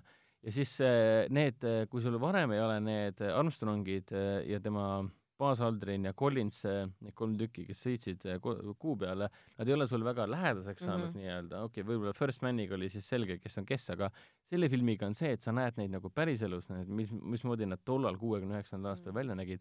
Äh, see, see narratiiv on nii nagu naelapea pihta, sellepärast et see on dialoog kogu aeg toimub nende vahel, nad teevad nalja ja äh, siis nad räägivad tõsistel teemadel ja kogu aeg no Saar naeris naeris kaasa lihtsalt kogu aeg. Mm. et ta on nagu efektne dokumentaalfilm ja ta eriti ta põrutab just sellega, et need kaadrid näevad nii lummavad välja, nagu oleks tänapäeval mingi nagu oleks Christopher Nolan oma imeksi nagu kaameraga Christopher kuul Nolan viibinud ja filminud nagu Christopher Nolan või Stanley Kubrick oleks teinud päriselt. Stanley Kubrick oleks teinud äh, filmi äh, Kuul maandumisest, aga ta teeb nii-öelda ultrarealistlikku dokumentaalfilmilikku filmi Siin, siinkohal tasub mainida, see oli naljakas praegu sellepärast, et räägitakse Stanley Kubricki filmiski kuumandumise Jah. ja see oli kõik Hollywoodi stuudios. samal ajal, kui ta tegi Shiningut siis, jah. Jah. aga, aga ta näeb nii pagana efektne, nii fak-, vabandust, nii paganama kuradi ilus, ilus näeb välja. aina paremaks läheb, jah. et, et sa oled seal suurel ekraanil, vahet pole, mis kinoekraanil sa seda tegelikult vaatad, ta lihtsalt täiesti lummab sind ära. juba esimene kaader, seal tuleb see mingi, see on sama maja, kus me siin oleme, selle maja kõrgune tohutu suur platvorm sõidab eh, ka sellest kaamerast mööda Mm. roomikud, selle peal on see maandumisplatvorm, mille peal on omakorda siis rakett, mille sisse nad lähevad. ebareaalne. ja siis, siis see heli on kõik võimendatud suureks ja kinoekraani nii-öelda kinoelamuseks tehtud ja siis sa vaatad ja kuuled, saal väriseb lihtsalt, see on hämmastav kogemus lihtsalt. et sa nagu, kui sulle eh, eriti just see, et pärast seda filmi on üsna selge, et kui ma peaksin endale tegema kuumaandumise nii-öelda filmiõhtu, siis ma reaalselt nagu vaatangi al, algul vaatan Apollo üheteistkümne ära, see dokumentaalfilmi, ja siis vaatan ära selle äh, Damien Chazelle'i äh, First Mani. sest äh, kohati on äh, see Selli filmiga oli sama teema, et nad vaatasid läbi hästi palju arhiivmaterjali, mida siis nii-öelda taasluua ja kohati mm. -hmm. nad kasutasidki seda arhiivmaterjali filmis endas ka mm. ja nüüd Jaa, seda, seda dokumentaalfilmi vaadates ja mõned kaadrid olid nii tuttavad ette, et sa vaatad reaalset elu tegelikult, kuuekümne üheksa aastal filmitud reaalset elu. Äh, ja seal ongi, ei ole ainult tegelikult see tehniline, tehniline osa, vaid sa näed hästi palju rahvast, kes ümberringi, tollal ju nad läksid ju seal olid terved suured, suured kämpingud ja kommuunid püsti pandud, inimesed istusid mm. seal ja vaatasid, kuidas siis ta tõuseb üles ja lõpuks ka maandus ja nii edasi.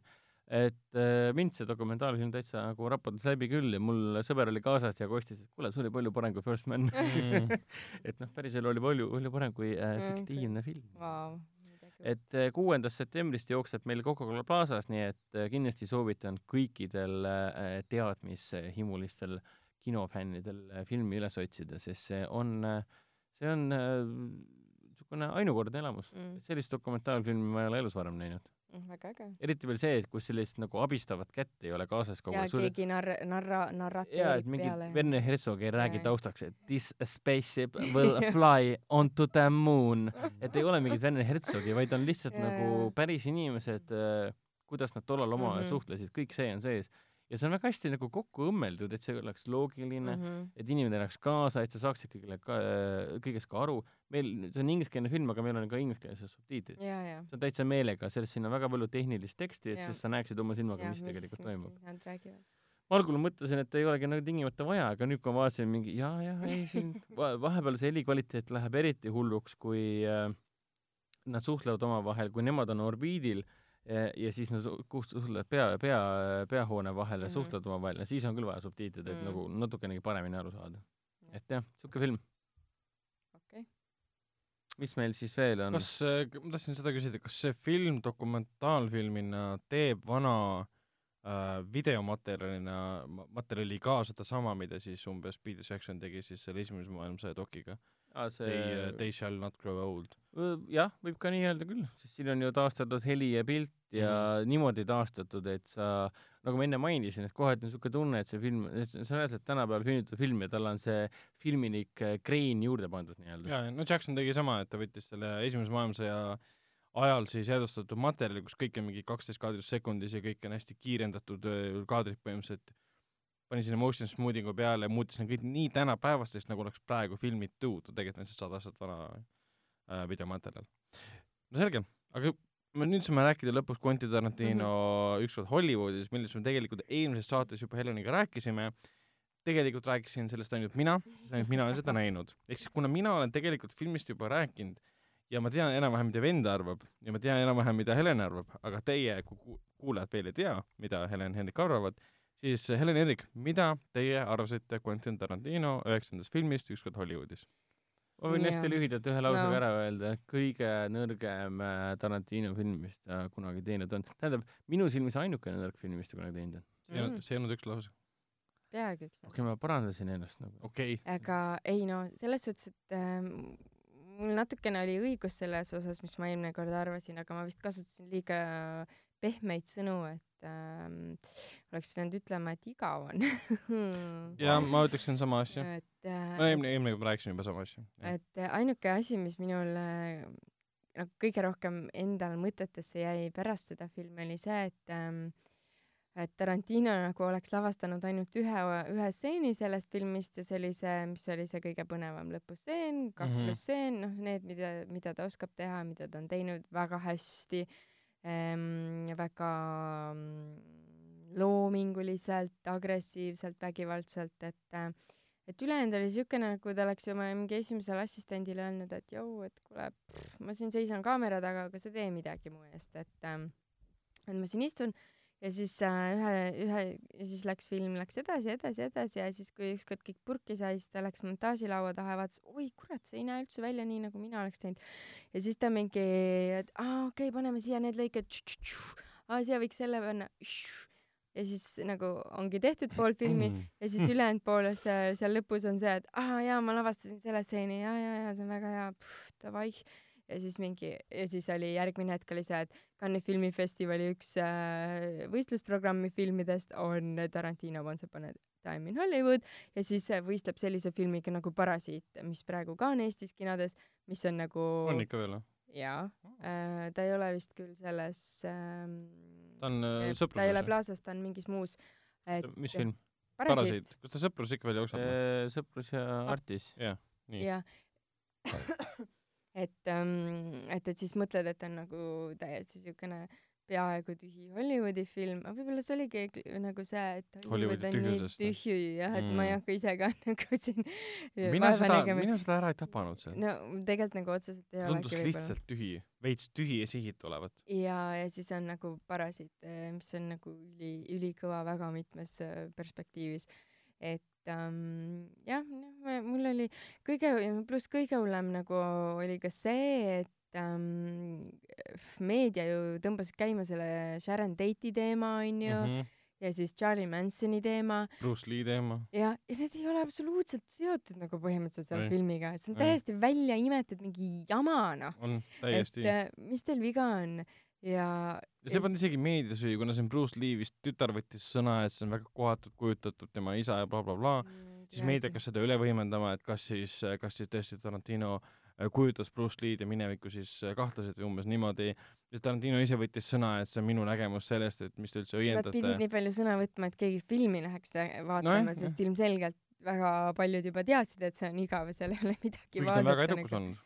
ja sellepärast nad läksidki, et nad tahtsid näha seda Charles, Charles Mansonit äh,, kellest me siis enne juba rääkisime, filmis kordagi ei öelda, kes ta on või, või, või miks ta seal Äh, ainult on. Charlie käib läbi, jah. Charlie ja, ja pluss siis ähm, ja ühes stseenis käib läbi.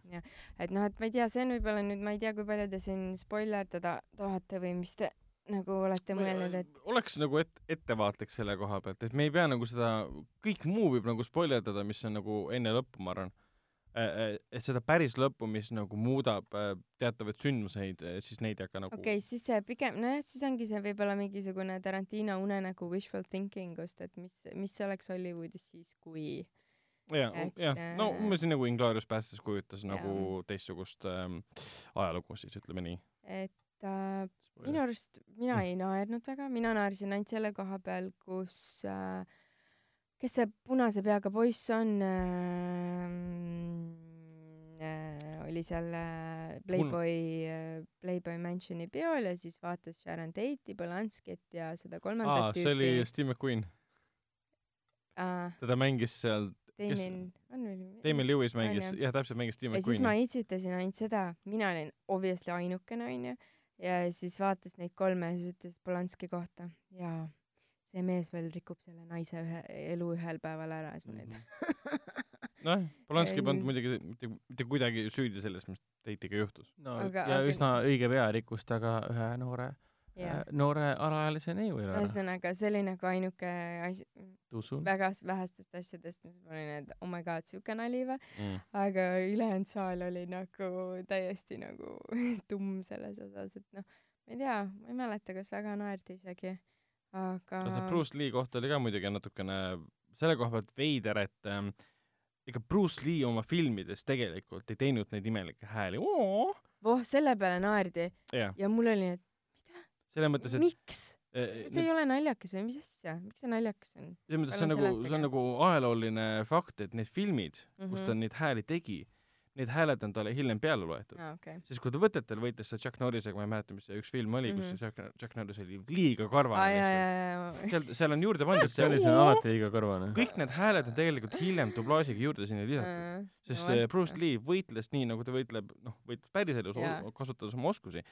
ta ei hakka kasutama mingeid imelikke hääli mm. -hmm. samal ajal, aga, aga ta, Tarantino tegi seda meelega mm., ta Mm. kujutas filmi versiooni Jaa. Bruce Lee'st, jaa kes samal ajal tegelikult piga, pidas ju pika loengu sealsamas, enne Jaa, kui ta hakkas Brad. Pitti karakteriga võitlema, et te kõik, kõik teete siin feike asju, mina olen päris võitleja mm., Mhm. keegi saab minust jagu, aga ma ei saa teid rünnata, sest me oleme Mhm. filmis ainult umbes niimoodi. nii et jah väga ma ei tea mis mis film see siukene oli ta oli nat- natuke jäi mulje, et ta oli nagu Tarantino, kuidas öelda, fännifilm. selle koha pealt eh, ta näitas nagu, et ta on kõikide nende kuuekümnendate kultuuri, filmikultuuri, Hollywoodi suur fänn mm. ja siin olid kõik tema stiili nagu punktid olemas absoluutselt. aga mis nagu ei olnud, oli see, see, see karakterid ja lugu ja nende Mhm. omavaheline seostus, mida me oleme harjunud tema filmides nägema, on see Pulp Fiction või, või Hateful Eight, mis iganes, erinevad karakterid saavad ühel hetkel kokku. Mhm. ma ei ütle seda, et see film oleks pidanud olema täpselt samasugune nagu eelmised, et sul on erinevad äh, lood äh, käivad ja siis ühel hetkel saavad kõik omavahel kokku suurel plahvatuse saatel. siin oli põhimõtteliselt sama asi, aga need omavahelised seosed olid nii õrnad, kõik oli nii kuidagi episoodiline, segmenteeritud, et see Mansoni sinna mm, rantsusse minek oli väga võimas stseen, Mm. väga pingeline umbes mm -hmm. niimoodi, mis lõppes väga naeruväärselt minu arust, sest lõpp, lõpus tuli välja kõik oli okei okay tegelikult seal uh,. aga see ei seostunud jälle mitte millegagi, et Mansonit mängiti üle, üle, üle, et ta on hästi võimas tegelaskond, Mhm. ta ei- välja ei kordagi ilmunud ja lõpp nagu tuletas ka meelde, et aa, tegelikult noh, nad polnud üldse õudsed ega hirmsad, sest üks tüüp saab neist jagu põhimõtteliselt, noh, ma ei taha väga spoilerdada. et äh, ja see muusikakasutus ka põhimõtteliselt, mis mind väga häiris. ma isegi ei mäleta seda no täpselt, Mm. ma kuulasin selle filmi nagu soundtrack'i pärast nagu Spotify'st Mm. ja sa ühegi looga, võib-olla mõne üksiku looga meenub, et mingi koht filmis. aga kui sa muidu vaatad, noh, Tarantino filmide soundtrack'i, kuulad Pulp Fictioni oma ja sul tuleb meelde, et aa, see lugu, see stseen, isegi, isegi nagu, nagu ükskõik, Inglourious Basterds omad, kuulad see Mm. lugu, aa, see lugu, see tseen. aga seal on niivõrd palju neid, sest Mhm. mingi, ma ei tea, viisteist minutit lihtsalt Brad Pitt sõidab autos ringi, kuulab muusikat. milleks neid stseene sinna vaja oli? ja kas siis Sharon Tate'i karakter ka täiesti mõttetu. tantsib, naerab, kannab päikseprille, kõnnib tänaval, vaatab omaenda filmi, Mhm. ongi kõik. Ja ma saan aru, et ta nagu esitles seda äh, Hollywoodi nagu diivat või sellist mm -hmm. äh, naist, kes on just saavutanud oma totaalse kuulsuse mm, -hmm. ta on Mhm. väga rahul sellega, et ta, ta nagu lendab pilvedes, selle eesmärgi ta saavutas. aga tema roll loos oli no, seal ei ei olnud mitte aru. midagi erilist, et äh, süvatsi ei, ei läinud kuskil millegiga ja siukene noh, oligi siukene heietus nagu Jah., täiesti heietus, et äh, Rick Daltoni tegelaskuju ka, temaga läks kõik hästi lõ- lõpuks nagu tegelikult. ainuke asi, mis tema elus halb oli siis see, et ühel hetkel pidi siis sellest ähm,, mis see kaskadööri nimi nüüd oli? Rick Dalton ja Cliff Booth, jah, Cliff Boothiga pidi nagu, läksid teed lahku nii-öelda. mm, aga kõik muu jah, et aa, ta elas üle väga raskelt ja seda, et ta arvab, et tema nagu täht on Mhm, langemas ja mhm. põhimõtteliselt siis ta hakkas uuesti ennast nagu üles ehitama Mhm. ja see tal õnnestus kõik, nagu läks hästi ja ma üldse ei elanud tema karjääri nagu pingutustele kaasa. jah, see ei, see jah, see ei pidanudki nagu oluline olema või nagu ju siis, kuigi see oli suur osa filmist. see oli nagu enamus, sest see oli Leon- Leonardo DiCaprio ikkagi onju. et ainuke kõige, aa, naljakast kohad oli see koera koht muidugi.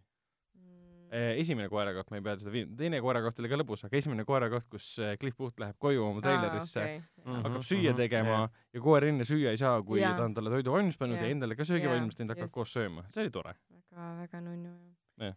aga muidu oligi umbes niimoodi, et jah, Tarantino film, aga vähe oli sellist äh, Tarantino sellist nagu välkupudelit või siukest äh, ja siukest särtsu ja kõike jah, seda seda nagu. ohootunnet ei olnud, et Mhm. see on nüüd see film, mida ma tulin Tarantino pärast nagu vaatama, Mhm. see oli pigem see, et aa, ta oli Eh. suvaline draama, ta oli siukene keskmine Jah. draama, kus oli natukene palju vägivalda draama Jah. kohta, et ja temalt nagu ei oota seda, ma ootasin nagu midagi, midagi muud ja midagi Mm. teistsugust või või sellist meeldejäävat või, või isegi raskepärast või väga mitte nii ükskõik mida põhimõtteliselt. ta ei olnud ju lahjem selles mõttes, ta ei olnud kergem või, või, või mainstream'i, ta oli ikka vägivalda ja verd Mhm. täis ja paljad naisi, noh, poolpaljad naisi siis. Kuigi see Tarantino jalafetist jätkuvalt äh, on väga püsiv osa kas ma pean teadma sellest või? no kui sa hakkad vaatama Tarantino neid varasemaid filme läbi, no siis seal on Kill väga Bill palju küll jah, aga Kill Bill, Death Proof, isegi Pulp Fictionis Tarantino ainult filmi Aa, poolt jalgu tihtipeale naistegelastel. okei okay,, tuleb meelde küll. see käib nagu läbi igalt poolt. hirm. suht kirju, jah, jah, jah. ma ei tea, las ta siis olla. Ennik, kas sa tahad veel midagi öelda Tarantino filmi kohta? Sul on pea tühi juba. ei ole, selles suhtes, et äh, selles filmis on äh, väga palju, mida armastada, täielikku Tarantino likkust on see ju paksult paksult täis ju ometigi. aga, aga kõige veidram oli see, et kuivõrd äh, pingevaba filmi ta seekord tegi ja, ja kõige veidram oli ka see, et noh, ma võrdleks seda oma lemmiku Tarantinoga ehk siis Inglourious Bastersiga. ohoo, surprise ei olegi Pulp Fiction. Me tegime terve saate, kus me rääkisime oma juba. aga, aga noh, see Inglourious Bastersiga oli, oli umbes sama teema, et vaata, kõik olid ju ära, ära jaotatud peatükkideks ja, ja erinevad tegelased olid kogu aeg ja mõned tegelased ei saanudki omavahel lõpuks ju kokku ja, ja oli nii või? Michael Fassbender ju okei okay,, ja igatahes nad olid kõik eraldi sektsioonides alati ja lõpus, kui nad kokku said, siis juhtus midagi hirmsat ja said seal kõik surma Mm. Ja kui lõpuks saidki kokku, siis nende plaanid pandi kokku, et kuule, täitsa sobib küll niimoodi, et noh, jah uh,. aga, aga no see Melanie Laurenti tegelane ei saanudki eriti teiste inimestega kokku, tegeles ainult oma teemaga. ja mm. plahvatuslik oli film sõna otseses mõttes tegelikult, või siis põletav, lol aga, aga mm., aga Once Upon a Time'i puhul meil oli kaks põhitegelast, kõrvalt äh, jooksis kogu aeg see Sharon Tate'i liin mm. Äh, ja siis oli see Mansonite perekond selle Margaret, Margaret Qualley tegelasega ja lõppude lõpuks oli see, et kõik need liinid lihtsalt kulgesid, kulgesid, kulgesid kuni lõpuni välja, kus siis juhtus äh, üks, üks suur oluline asi, mis, mida Tarantino ka varem teinud, aga lõppude lõpuks jäi niisugune tunne, et nagu et kui ma võtan selle nii-öelda rabava lõpu ära, siis, siis ega see midagi eriti ei muudagi. Yeah.. film, film ennast ei muuda, lõpp ei sõltu tegelikult väga meie kahe peategelase arengukaarest ja, ja kuidagi niisugune tühi, tühi tunne jäi sisse, jäi niisugune tunne, et Tarantino lihtsalt otsustas, et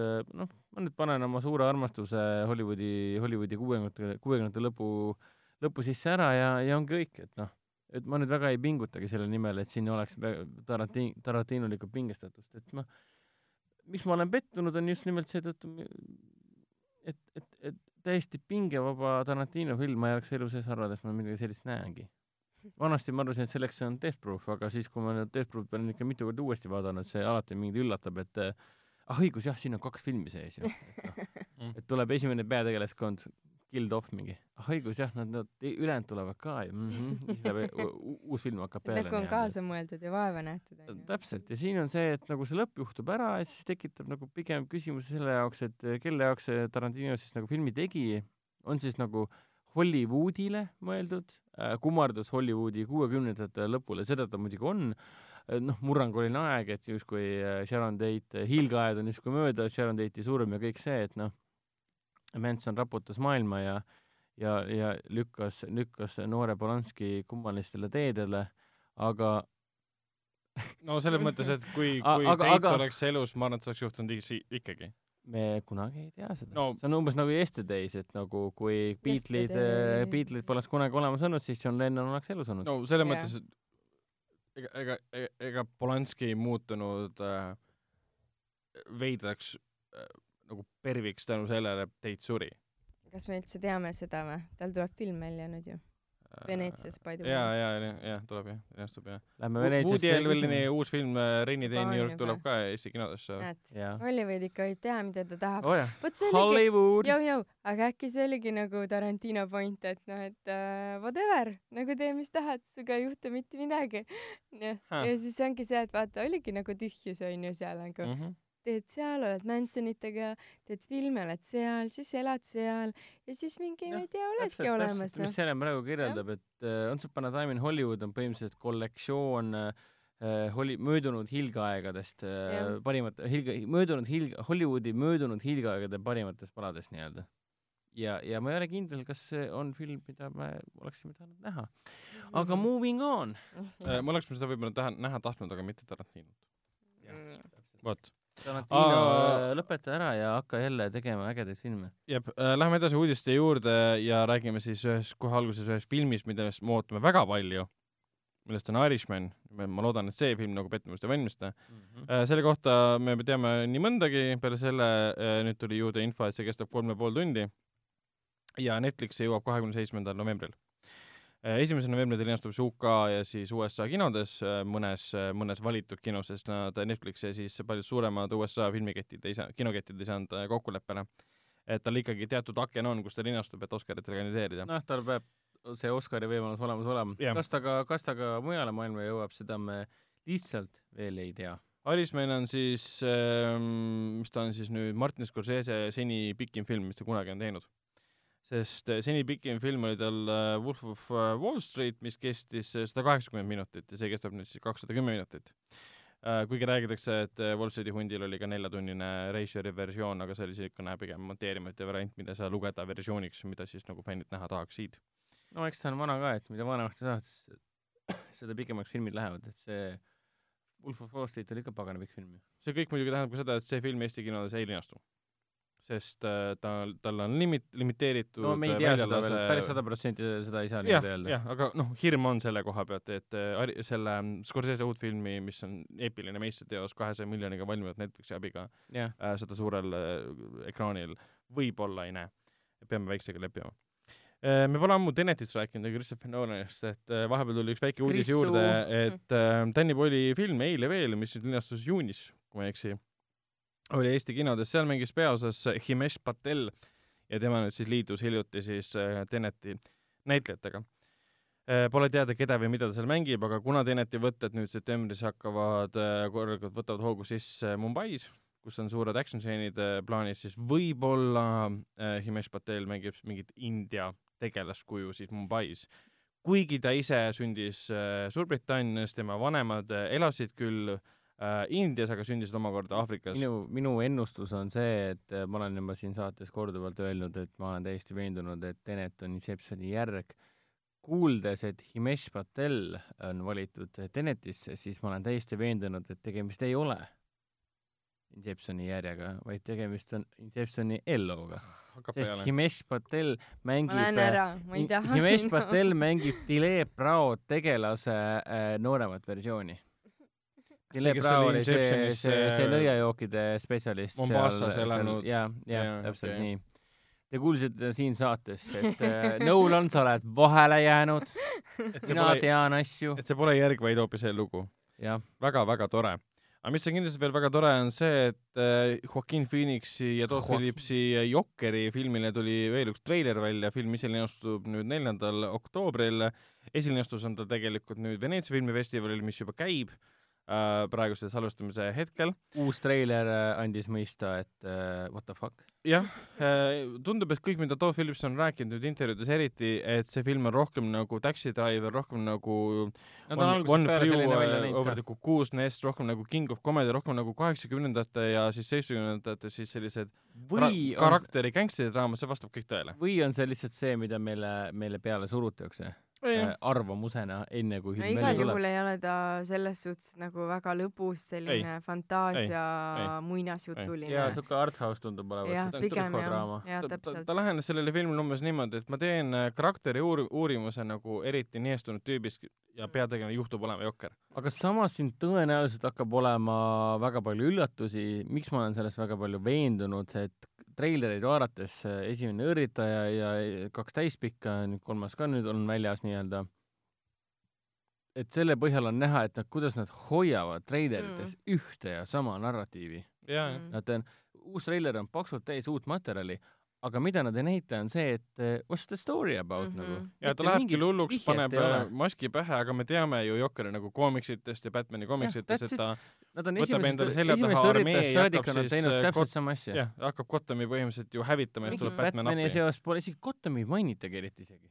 justkui see film ei eksisteerigi mitte mingisuguses superkangelase universumis. see loodigi esialgu umbes niimoodi, et ja ma saan sellest aru, aga kõigest. see hakkab meid üllatama ses Jaa. Ja mulle meeldis see väike infokild, mis tuli kuskil intervjuus ka, et kui ta üritas Warner Brothersi veenda, et me teeme selle filmi R-reitinguga ära ja umbes niimoodi, siis äh, rääkis talle loos ka, et me teeme temast nihilistliku antikangelase, kes põhimõtteliselt on hulluks minemas ja lähebki hulluks ja siis äh, Warner Brothers mingi, aga meil on nagu Jokeri äh, joonistustega mingid pidžaamad ja joogipudelid müügis, et see ei lähe üldse kokku meie nagu merchandise'i maailmaga. Ikkagi sundis end ümber veenda, et teeme lõpuks nagu filmi, mis ei seostu äriga, nad olid nagu nõus sellega, mis on ju tore. siis see viis, kuidas Jokker hakkab seostuma Matt Reavesi tulevase Batman'i filmiga, oli väga põhi-, põhjendatud ja sobis eh, stuudiole. ja kuulsite seda siin. Äh, räägime korraks ka räägime nagu. korraks ka kiirestest, kiiretest ja veastest, Mm, sest üheksas osa on ma sain aru, produktsioon on poole peal ja hiljuti käis seal siis Paul Valkeri, vana lahkunud Paul Valkeri, kes siis kaks tuhat kolmteist suri vend käis seal Võtulesse külas ja Vin Diesel, kes on väga aktiivne sotsiaalmeedias, jagas pilti sellest äh,, muidugi paljud fännid olid sellest kohe veendunud, et äh, mingil kujul tuleb siis Paul Valker ehk siis, mis ta oli, Brian O'Connor tagasi äh,. see ei pruugi tõele vastata, sest lihtsalt vend käis külas, ma arvan. loodame, et seda ei juhtu, sest äh, rahu tema põrmule. noh, vaatame uh,. vahepeal tuli ka Star Wars The, uh, The Rise of Skywalker, jah, selle uus treiler välja, mis on siis Star Warsi, mis ta on, kolmas triloogia. Jah. jah, ja kokku siis üheksas film. jah. nüüd saab kogu see Jah. nii-öelda Skywalkeri seebikas läbi äh, Taylor muidugi hästi täitis, öeldud. Taylor muidugi täitis selle ainuke, ainukese ülesande, mis tal oli, tekitada võimalikult palju segadust, et kõik siis detsembrini ootaks ja mõtleks, mis juhtub. et treilis põhiline asi, mis me näeme, on siis see, et äh, Ray on siis nagu pahaks muutunud ja kõik nüüd arvavad, et see on tõsi. Tegelikult see on kindlasti mingi kellegi või millegi nägemus ja tegelikult ta ei ole paha, ei ole paha üldse ei imestaks, kui film tuleb välja ja mingit sõna, seda äh, Dart äh, Sidiust ei olegi ja seda Palpatine'i tegelikult filmis ei olegi, et see oli lihtsalt äh, cruel ploy nii-öelda, et inimesi närvi ajada. jah, see tuli juba esimesest treilerist välja, et Palpatine ehk Dark Sidious, kes suri, suri siis Return of the Jedi's juba aastal, mis see, kuna see oli kaheksakümmend midagi. See oli On- am- ammu, ammu, ammu surnud. üllatus, üllatus, ta pole surnud, ta tagasi. määratame üles veel ühe ammu surnud tegelase. What the hell, Disney, lõpetage ära. Oh jah äh,, räägime veel natukene Disneyst. Venom äh, kaks on endiselt äh, töös, kõige huvitavam asi muidugi peale selle, et Andy Serkis lavastab nüüd seda oota, Ruben oota, oota, oota, oota, oota, mis seos Venomiga on Disneyl? las ma räägin, siis sa kuuled okei. äh,. aa, okei, ma sain peale aru. selle, et Serkis lavastab seda, mis Andy Serkis, kes on siis muidugi, muidugi suurepärane motion capture näitleja, selgus vahepeal, et siis äh, Quentin Tarantino operaator äh, Robert Richardson hakkab selle operaatoriks.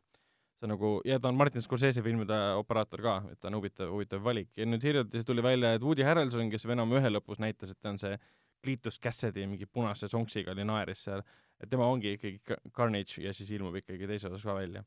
Äh, lisaks tuli välja info, et Venomis oligi esialgu siis Peter Parkeri cameo, aga see lõigati välja, sest kui Disney või siis Marvel vaatas seda lõplikku versiooni filmist, ütles, et ei, võtame välja. Neile ei sobinud, aga no nüüd neile ei sobinud see sellepärast, nad vaatasid seda filmi ah,. see on crap, me ei, me ei saa, me ei saa siduda enda filmi aga sellega. nüüd, nüüd kui me teame, et äh, Marvel, tähendab, Marveli ja Sony, Sony armastus on läbi ja Spider-man on tagasi Sonys, siis kas siis Venom kaks on siis koos Spider-mani ja Tom Hollandiga või? Seda me ei tea, see on kõik väga lahtine praegu. point on selles, miks see cameo oli Peter Parker, mitte Spider-man, sest Spider-man kuulub õiguste kohaselt mm. -hmm. Sonyle ja toona oli leping ju Sony ja Marveli vahel, ehk nad ilmuvad ain-, et Ämblikmees ilmub ainult Sony ja Marveli ühisfilmis. kuna Venom ei olnud Sony ja Marveli ühisfilm, siis sai selle ilmuda Peter Parker, õigused ei kuulu antud juhul, Peter Parkeri õigused ei kuulu Sonyle. Et see on kõik väga keeruline ja väga imelik oota, oota, ma olen, joonistan markeriga äh, akna peale, et aru saada malevintest, mis seal kirjas on. ja siin äh, vahepeal, kuna oli D23 toimus, mis on siis Disney fänniüritus, Mm -hmm. siis sealt liikusid nagu infod, et kohe varsti peaks siis äh, Marvel ja siis äh, Sony andma siis teada uue info, mis puudutab siis Ämblikmehe saatust. Praegusel hetkel Ämblikmees ei kuulu enam siis Marveli kinouniversumisse, sest nad ei leppinud kokku. ja nad ei lõpp, ei leppinud kokku sellepärast, et Marvel tahtis kakskümmend viis protsenti kõikidest tulevastest, tulevastest siis nende Tuludest. Ämblikmehe filmide tuludest ja Sony ütles, et ei. pluss Sony pakkus, et aa, anna meile kümme miljardit, me anname sulle Ämblikmehe tagasi. ja siis Marvel mingi, ei. see on õudne ja traagiline, sest see on, see on nagu abielulahutus mm Mhm. -hmm. ja Spider-man on see äh, üksik laps, kes mm Mhm. -hmm. on MES-i vahel Jah, vangis või ja põhimõtteliselt nad, tema armastab neid mõlemat korraga, ta tahab nendega koos olla, aga nemad tahavad, jagavad raha, alimente põhimõtteliselt on need, et ülitsevad kogu aeg, kord kokku jah. ja lahku, et noh, ei, mul on lihtsalt kahju Spider-manist, et Tom noh, Holland käis seal T23 laval ka ja läks sinna ja ütles, et I love you three thousand oma fännidele ja umbes no niimoodi. sest Tom Holland oli nii ideaalne Jah, selles täpselt. äh, rollis, kõik toimis lõpuks nii nad leidsid perfektse näitleja ja juba täpselt, lähevad lahku. aga ei, selles mõttes, et ta ei kao kuskile. temal on lepingud Sonyga, kui Sony jätkab filme, tal on veel kaks tükki plaanis, siis Tom Holland on peaosas. varsti tuleb teada, et nüüd on uus Spider-man'i näitleja valitud. see oleks absoluutselt veel noorem. ei nagu, aitab, see on kolm korda juba vahetus toimunud siis või? Andrew Garfield tuleb tagasi. pensionieal mingisugune. Äh, räägime, räägime veel Disneyst, nimelt äh, nüüd T23 jooksul tuli väga palju erinevaid uudiseid, küll tehakse, tehakse siis Disney plussi jaoks, mis on novembris alustab nende voogeedastust, tehakse She-Hulki seriaal, Moon Knighti seriaal äh,, seal Richard Madden ja Kit Harington saavad kokku siis Eternalsis, mõlemad mängivad seriaal Moonlight. Moon Knight jah äh,, see on üks tegelane Moonlight, kolmsites ja, ja, ja. ja tuleb välja, et Richard Madden ja siis Kit Harington, kes mõlemad mängisid troonide mängus, mängivad siis nüüd Eternalsis ka põhimõtteliselt, see on väike selline kokkutulek. Ja igasuguseid muid uudiseid ka ja peale selle, et nagu kõige obskuursem mingi Disney film Treasure Planet, mis kunagi oli Aarete planeet. ma mäletan seda kusjuures. kosm-, kosmose lennati laevadega, mitte Jaa. kosmoselaevadega, aga no merelaevadega. ainult et kosmoses. ja sellest tehakse nüüd live action remake uh,. ja lisaks tuli välja, et siis Disney tahab teha ka Atlantis The Lost Empire animatsioonist filmi ja panna peaossa Tom Hollandi ma. käisin seda sõpruses vaatamas, kus seda meile väga, väga meeldis, see oli veel see ingliskeelsete animatsioonide aeg. jep. olid ajad. Oh jaa, et selles mõttes Disney teeb, põhimõtteliselt võtab kõik, mis neil kunagi on olnud, vahet pole, mis see on ja teevad sellest siis äh, live action variandid Disney plussi jaoks. sest vahepeal tuli Aga- välja ka Lady ja Lontu ehk siis äh, Lady and the Tramp ähm, ma vaatasin treiler. ma vaatasin seda treilerit ja ma ei suutnud seda sirge näoga lõpuni vaadata Mm. mm.. no see, noh, mingid kaks koeri jooksevad ringi, on kõik noh. ja armuvad, kõik on hästi. pärast seda Dumbo fiaskot ja Aladini ja seda, et mul on nagu täiesti disconnected sellest live action äh, remake idest. Mhm. või noh, natuke ka tänu Lion Kingile, et Lion King oli nagu suht äge muidugi, aga ma ei saa aru, lõpetage ära. Ma olen- ma juba ammu räägin ma seda, et lõpetage ära, ei viitsi see- enam. selles mõttes, et äh, kohe tuleb kinno Ad Astra oktoobris, kui ta tuleb, eks Mhm. äh, selle filmi režissöör on James Gray, kes hiljuti võttis ka nüüd väga palju erinevates intervjuudes sõna, et Hollywoodi tööstus on ohus. ja ta ütles, et ohu, ohumärgid ei tulene sellest, et me teeme superkangelase filme. kakskümmend september. Jah. Ohumärgid tulevad sellest, et suured Hollywoodi stuudiod ei anna väga palju raha, et teha originaalset ulmet, ägedaid filme, nad annavad, pumpavad raha ainult tuntud brändides mm, -hmm. mis Mhm. ta- eh,, kin-, nad pumpavad raha ärisse, ei, aga filmikunsti. aga see on pärast neile, las koli, koliseb siis kokku, et Jah. äh, neid streaming platvorme on nii palju varsti ja neil on ka pappi, et selles suhtes, et äh, ongi. no juba kolisekski, vaadake, mis asi see Men in Black neli oli, mis asja nagu, lõpetage oh, nagu õudusune aasta on nagu kaks. tuhat üheksateist ja te teete mingit kakskümmend aastat vana filmi uuesti või? ja No unustasite vahepeal ära, et aeg, on möödunud vahepeal. see oli kõige. hullem. selles mõttes, et James Gray'l on äh, täiesti õigus, tema teebki vana, teebki Mm. vanakooli filme, nüüd Veneetsiast tuli ju arvustused välja juba sellest Ad Astrast, öeldakse, et Brad Pitt teeb Oscari väärilise rolli mm., et see Mm. film on põhimõtteliselt nagu apokalüps näo kosmoses, tõesti võimas äge film. Aga tõenäoliselt ta ei, ta ei teeni väga palju mm -hmm. ja Mhm. siis Ho- Hollywood stuudiod vaatavad jälle, aa, me andsime sada viiskümmend miljonit filmi jaoks, mis on tegelikult Oscari vääriline, andke kõik auhinnad, aga seda ei käinud piisavalt palju vaatamas. tagasi ja okei okay,, rohkem ei tee neid siis. jah, ja see on, see on jah, selles mõttes kahju. aga me nüüd me oleme jõudnud äh, viimase ja samas ka kõige-kõige olulisema uudiseni.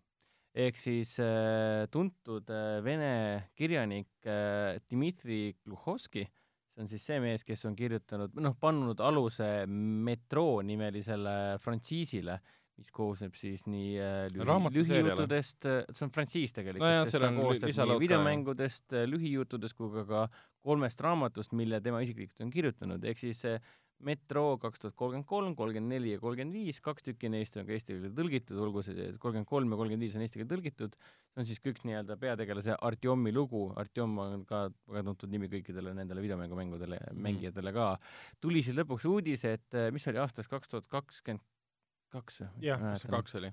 Äh, lõpuks tuleb siis välja äh, filmi versioon esimesest osast äh, Mhm. Metro kaks tuhat kolmkümmend kolm. Enne käisid jutud, et äh, Gluhovskil olid siis läbirääkimised ka USA ettevõtetega, et siis äh, produtsentide ja stsenaristidega ja agentidega, et film nagu valmis teha. Hollywoodiga siis jah ehk? siis Hollywoodiga ja, ja viimastel andmetel, kas sellel aastal või eelmisel aastal äh, ta pani selle peo kinni.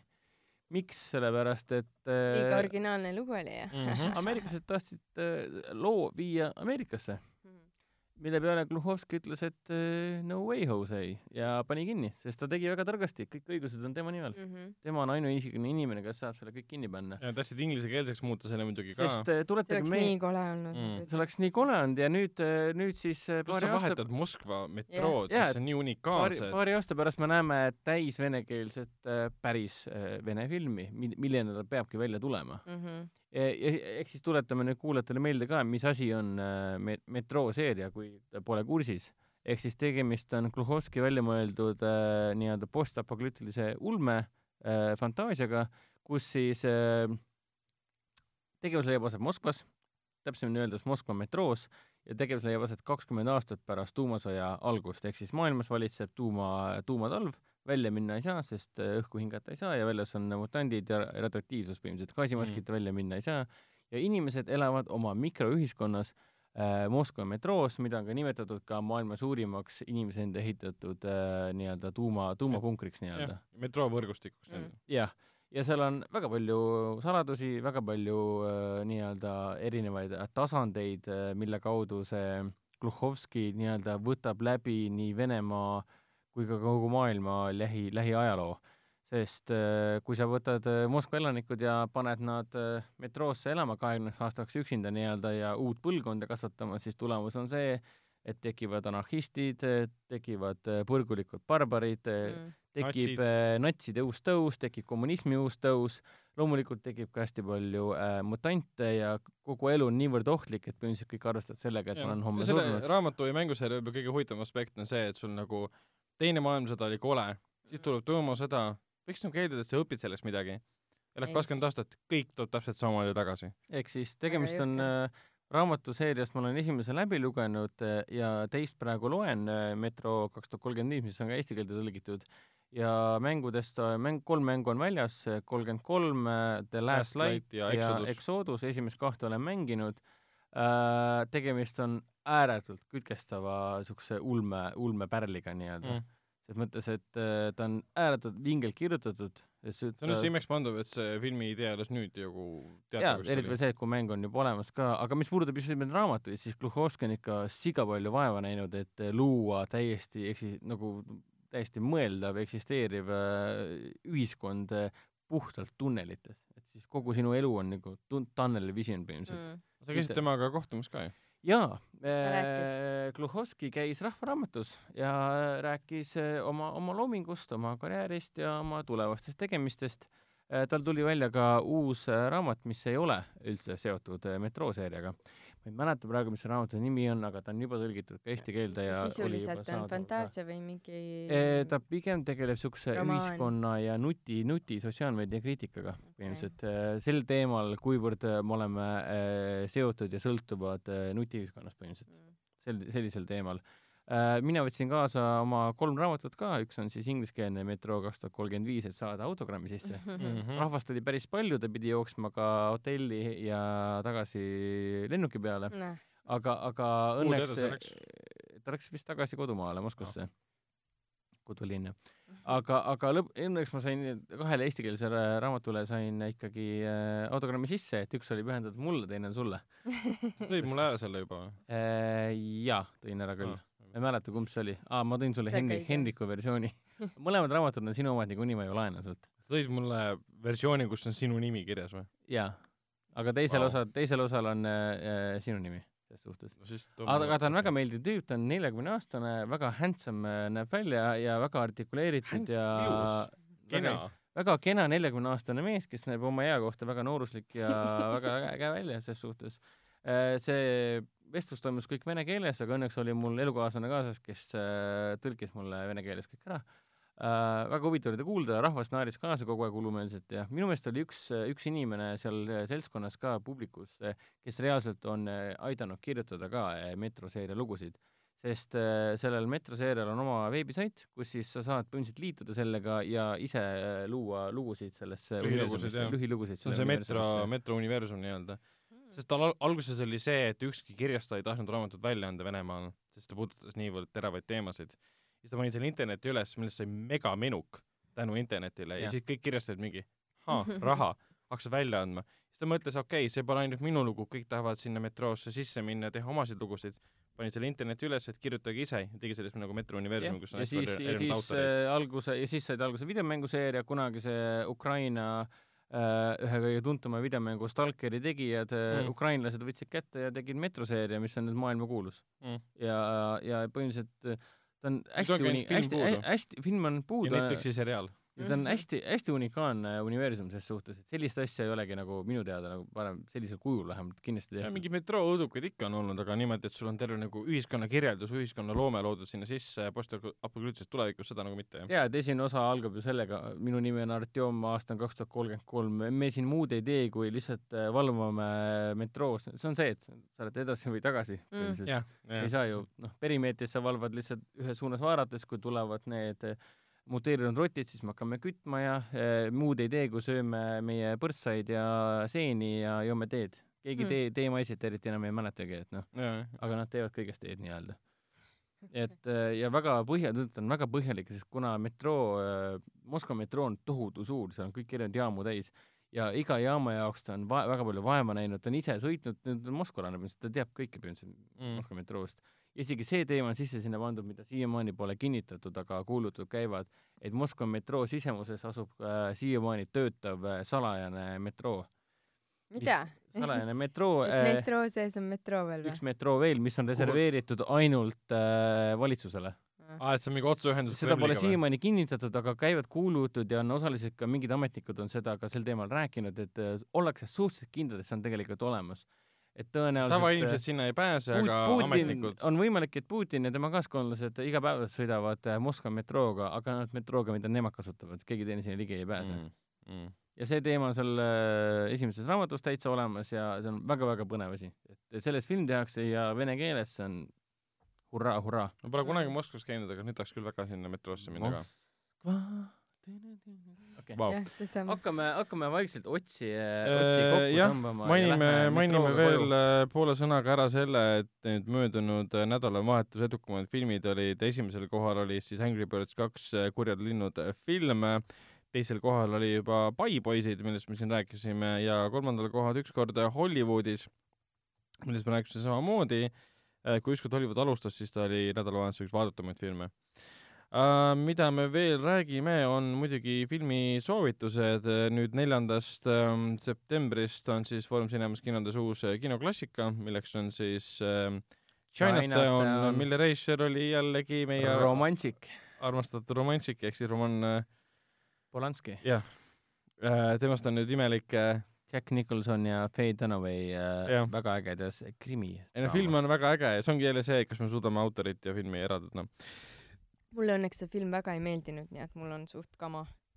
Yeah. yeah.. aga Hendrik, kas sa tahad midagi veel mainida um, Jonathani kohta?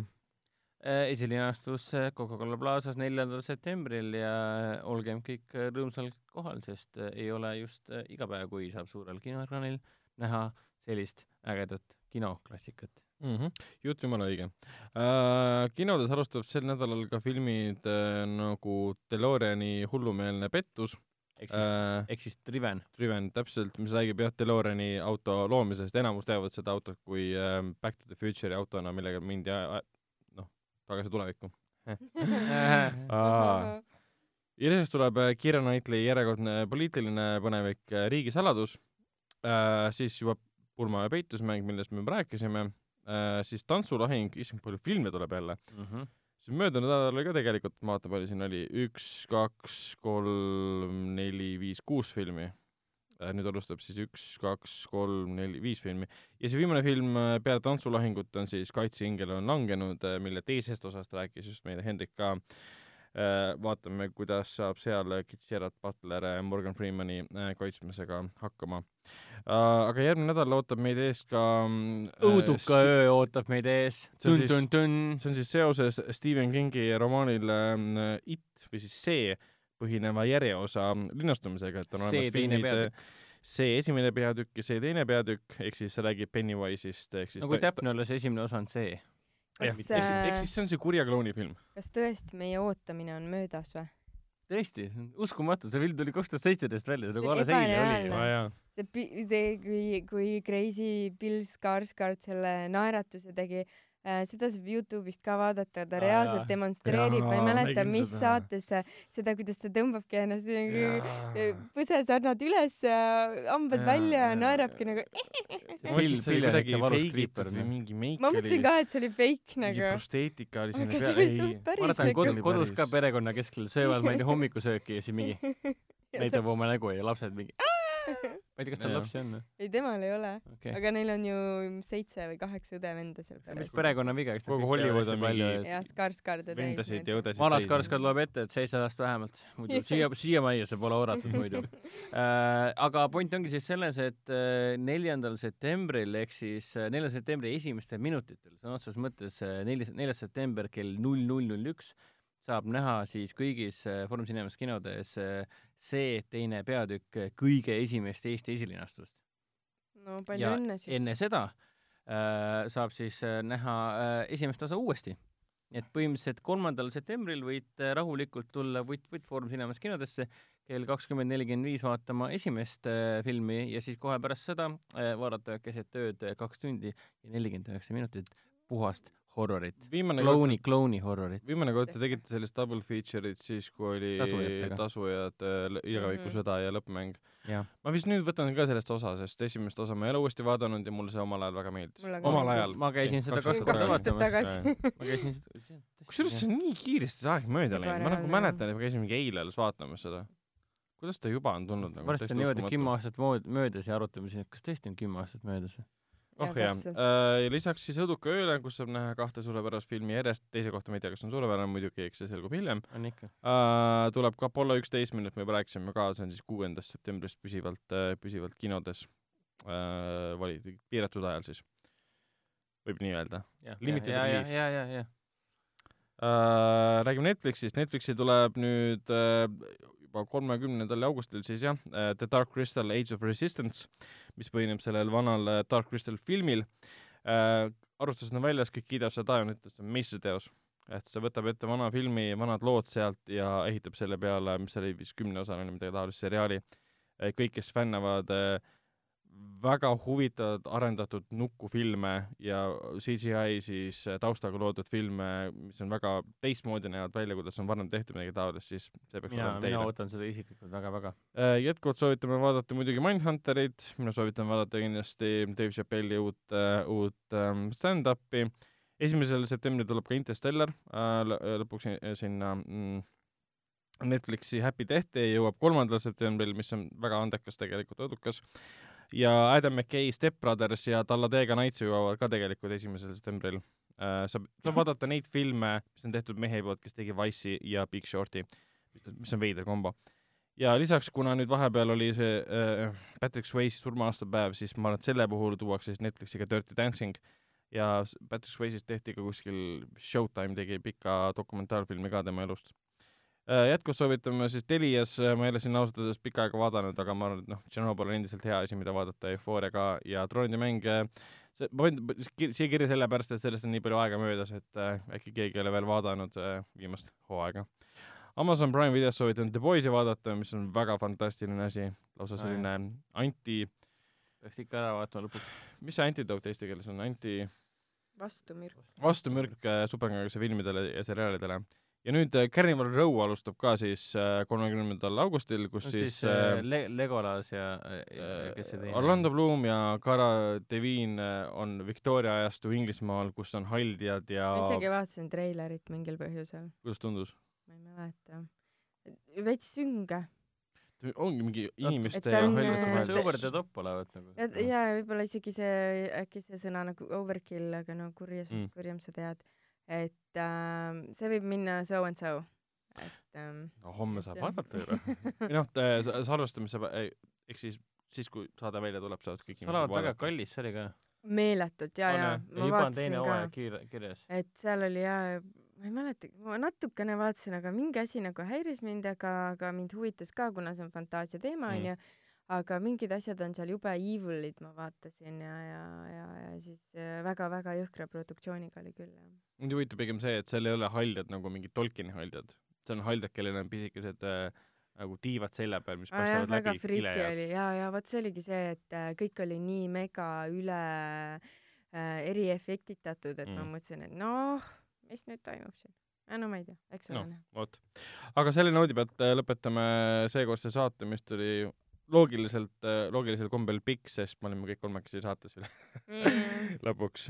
vot, aga jah, loeme saate saateks. mina olin äh, Ragnar, minuga koos oli äh, Helen ja Tšau. Hendrik. tšau.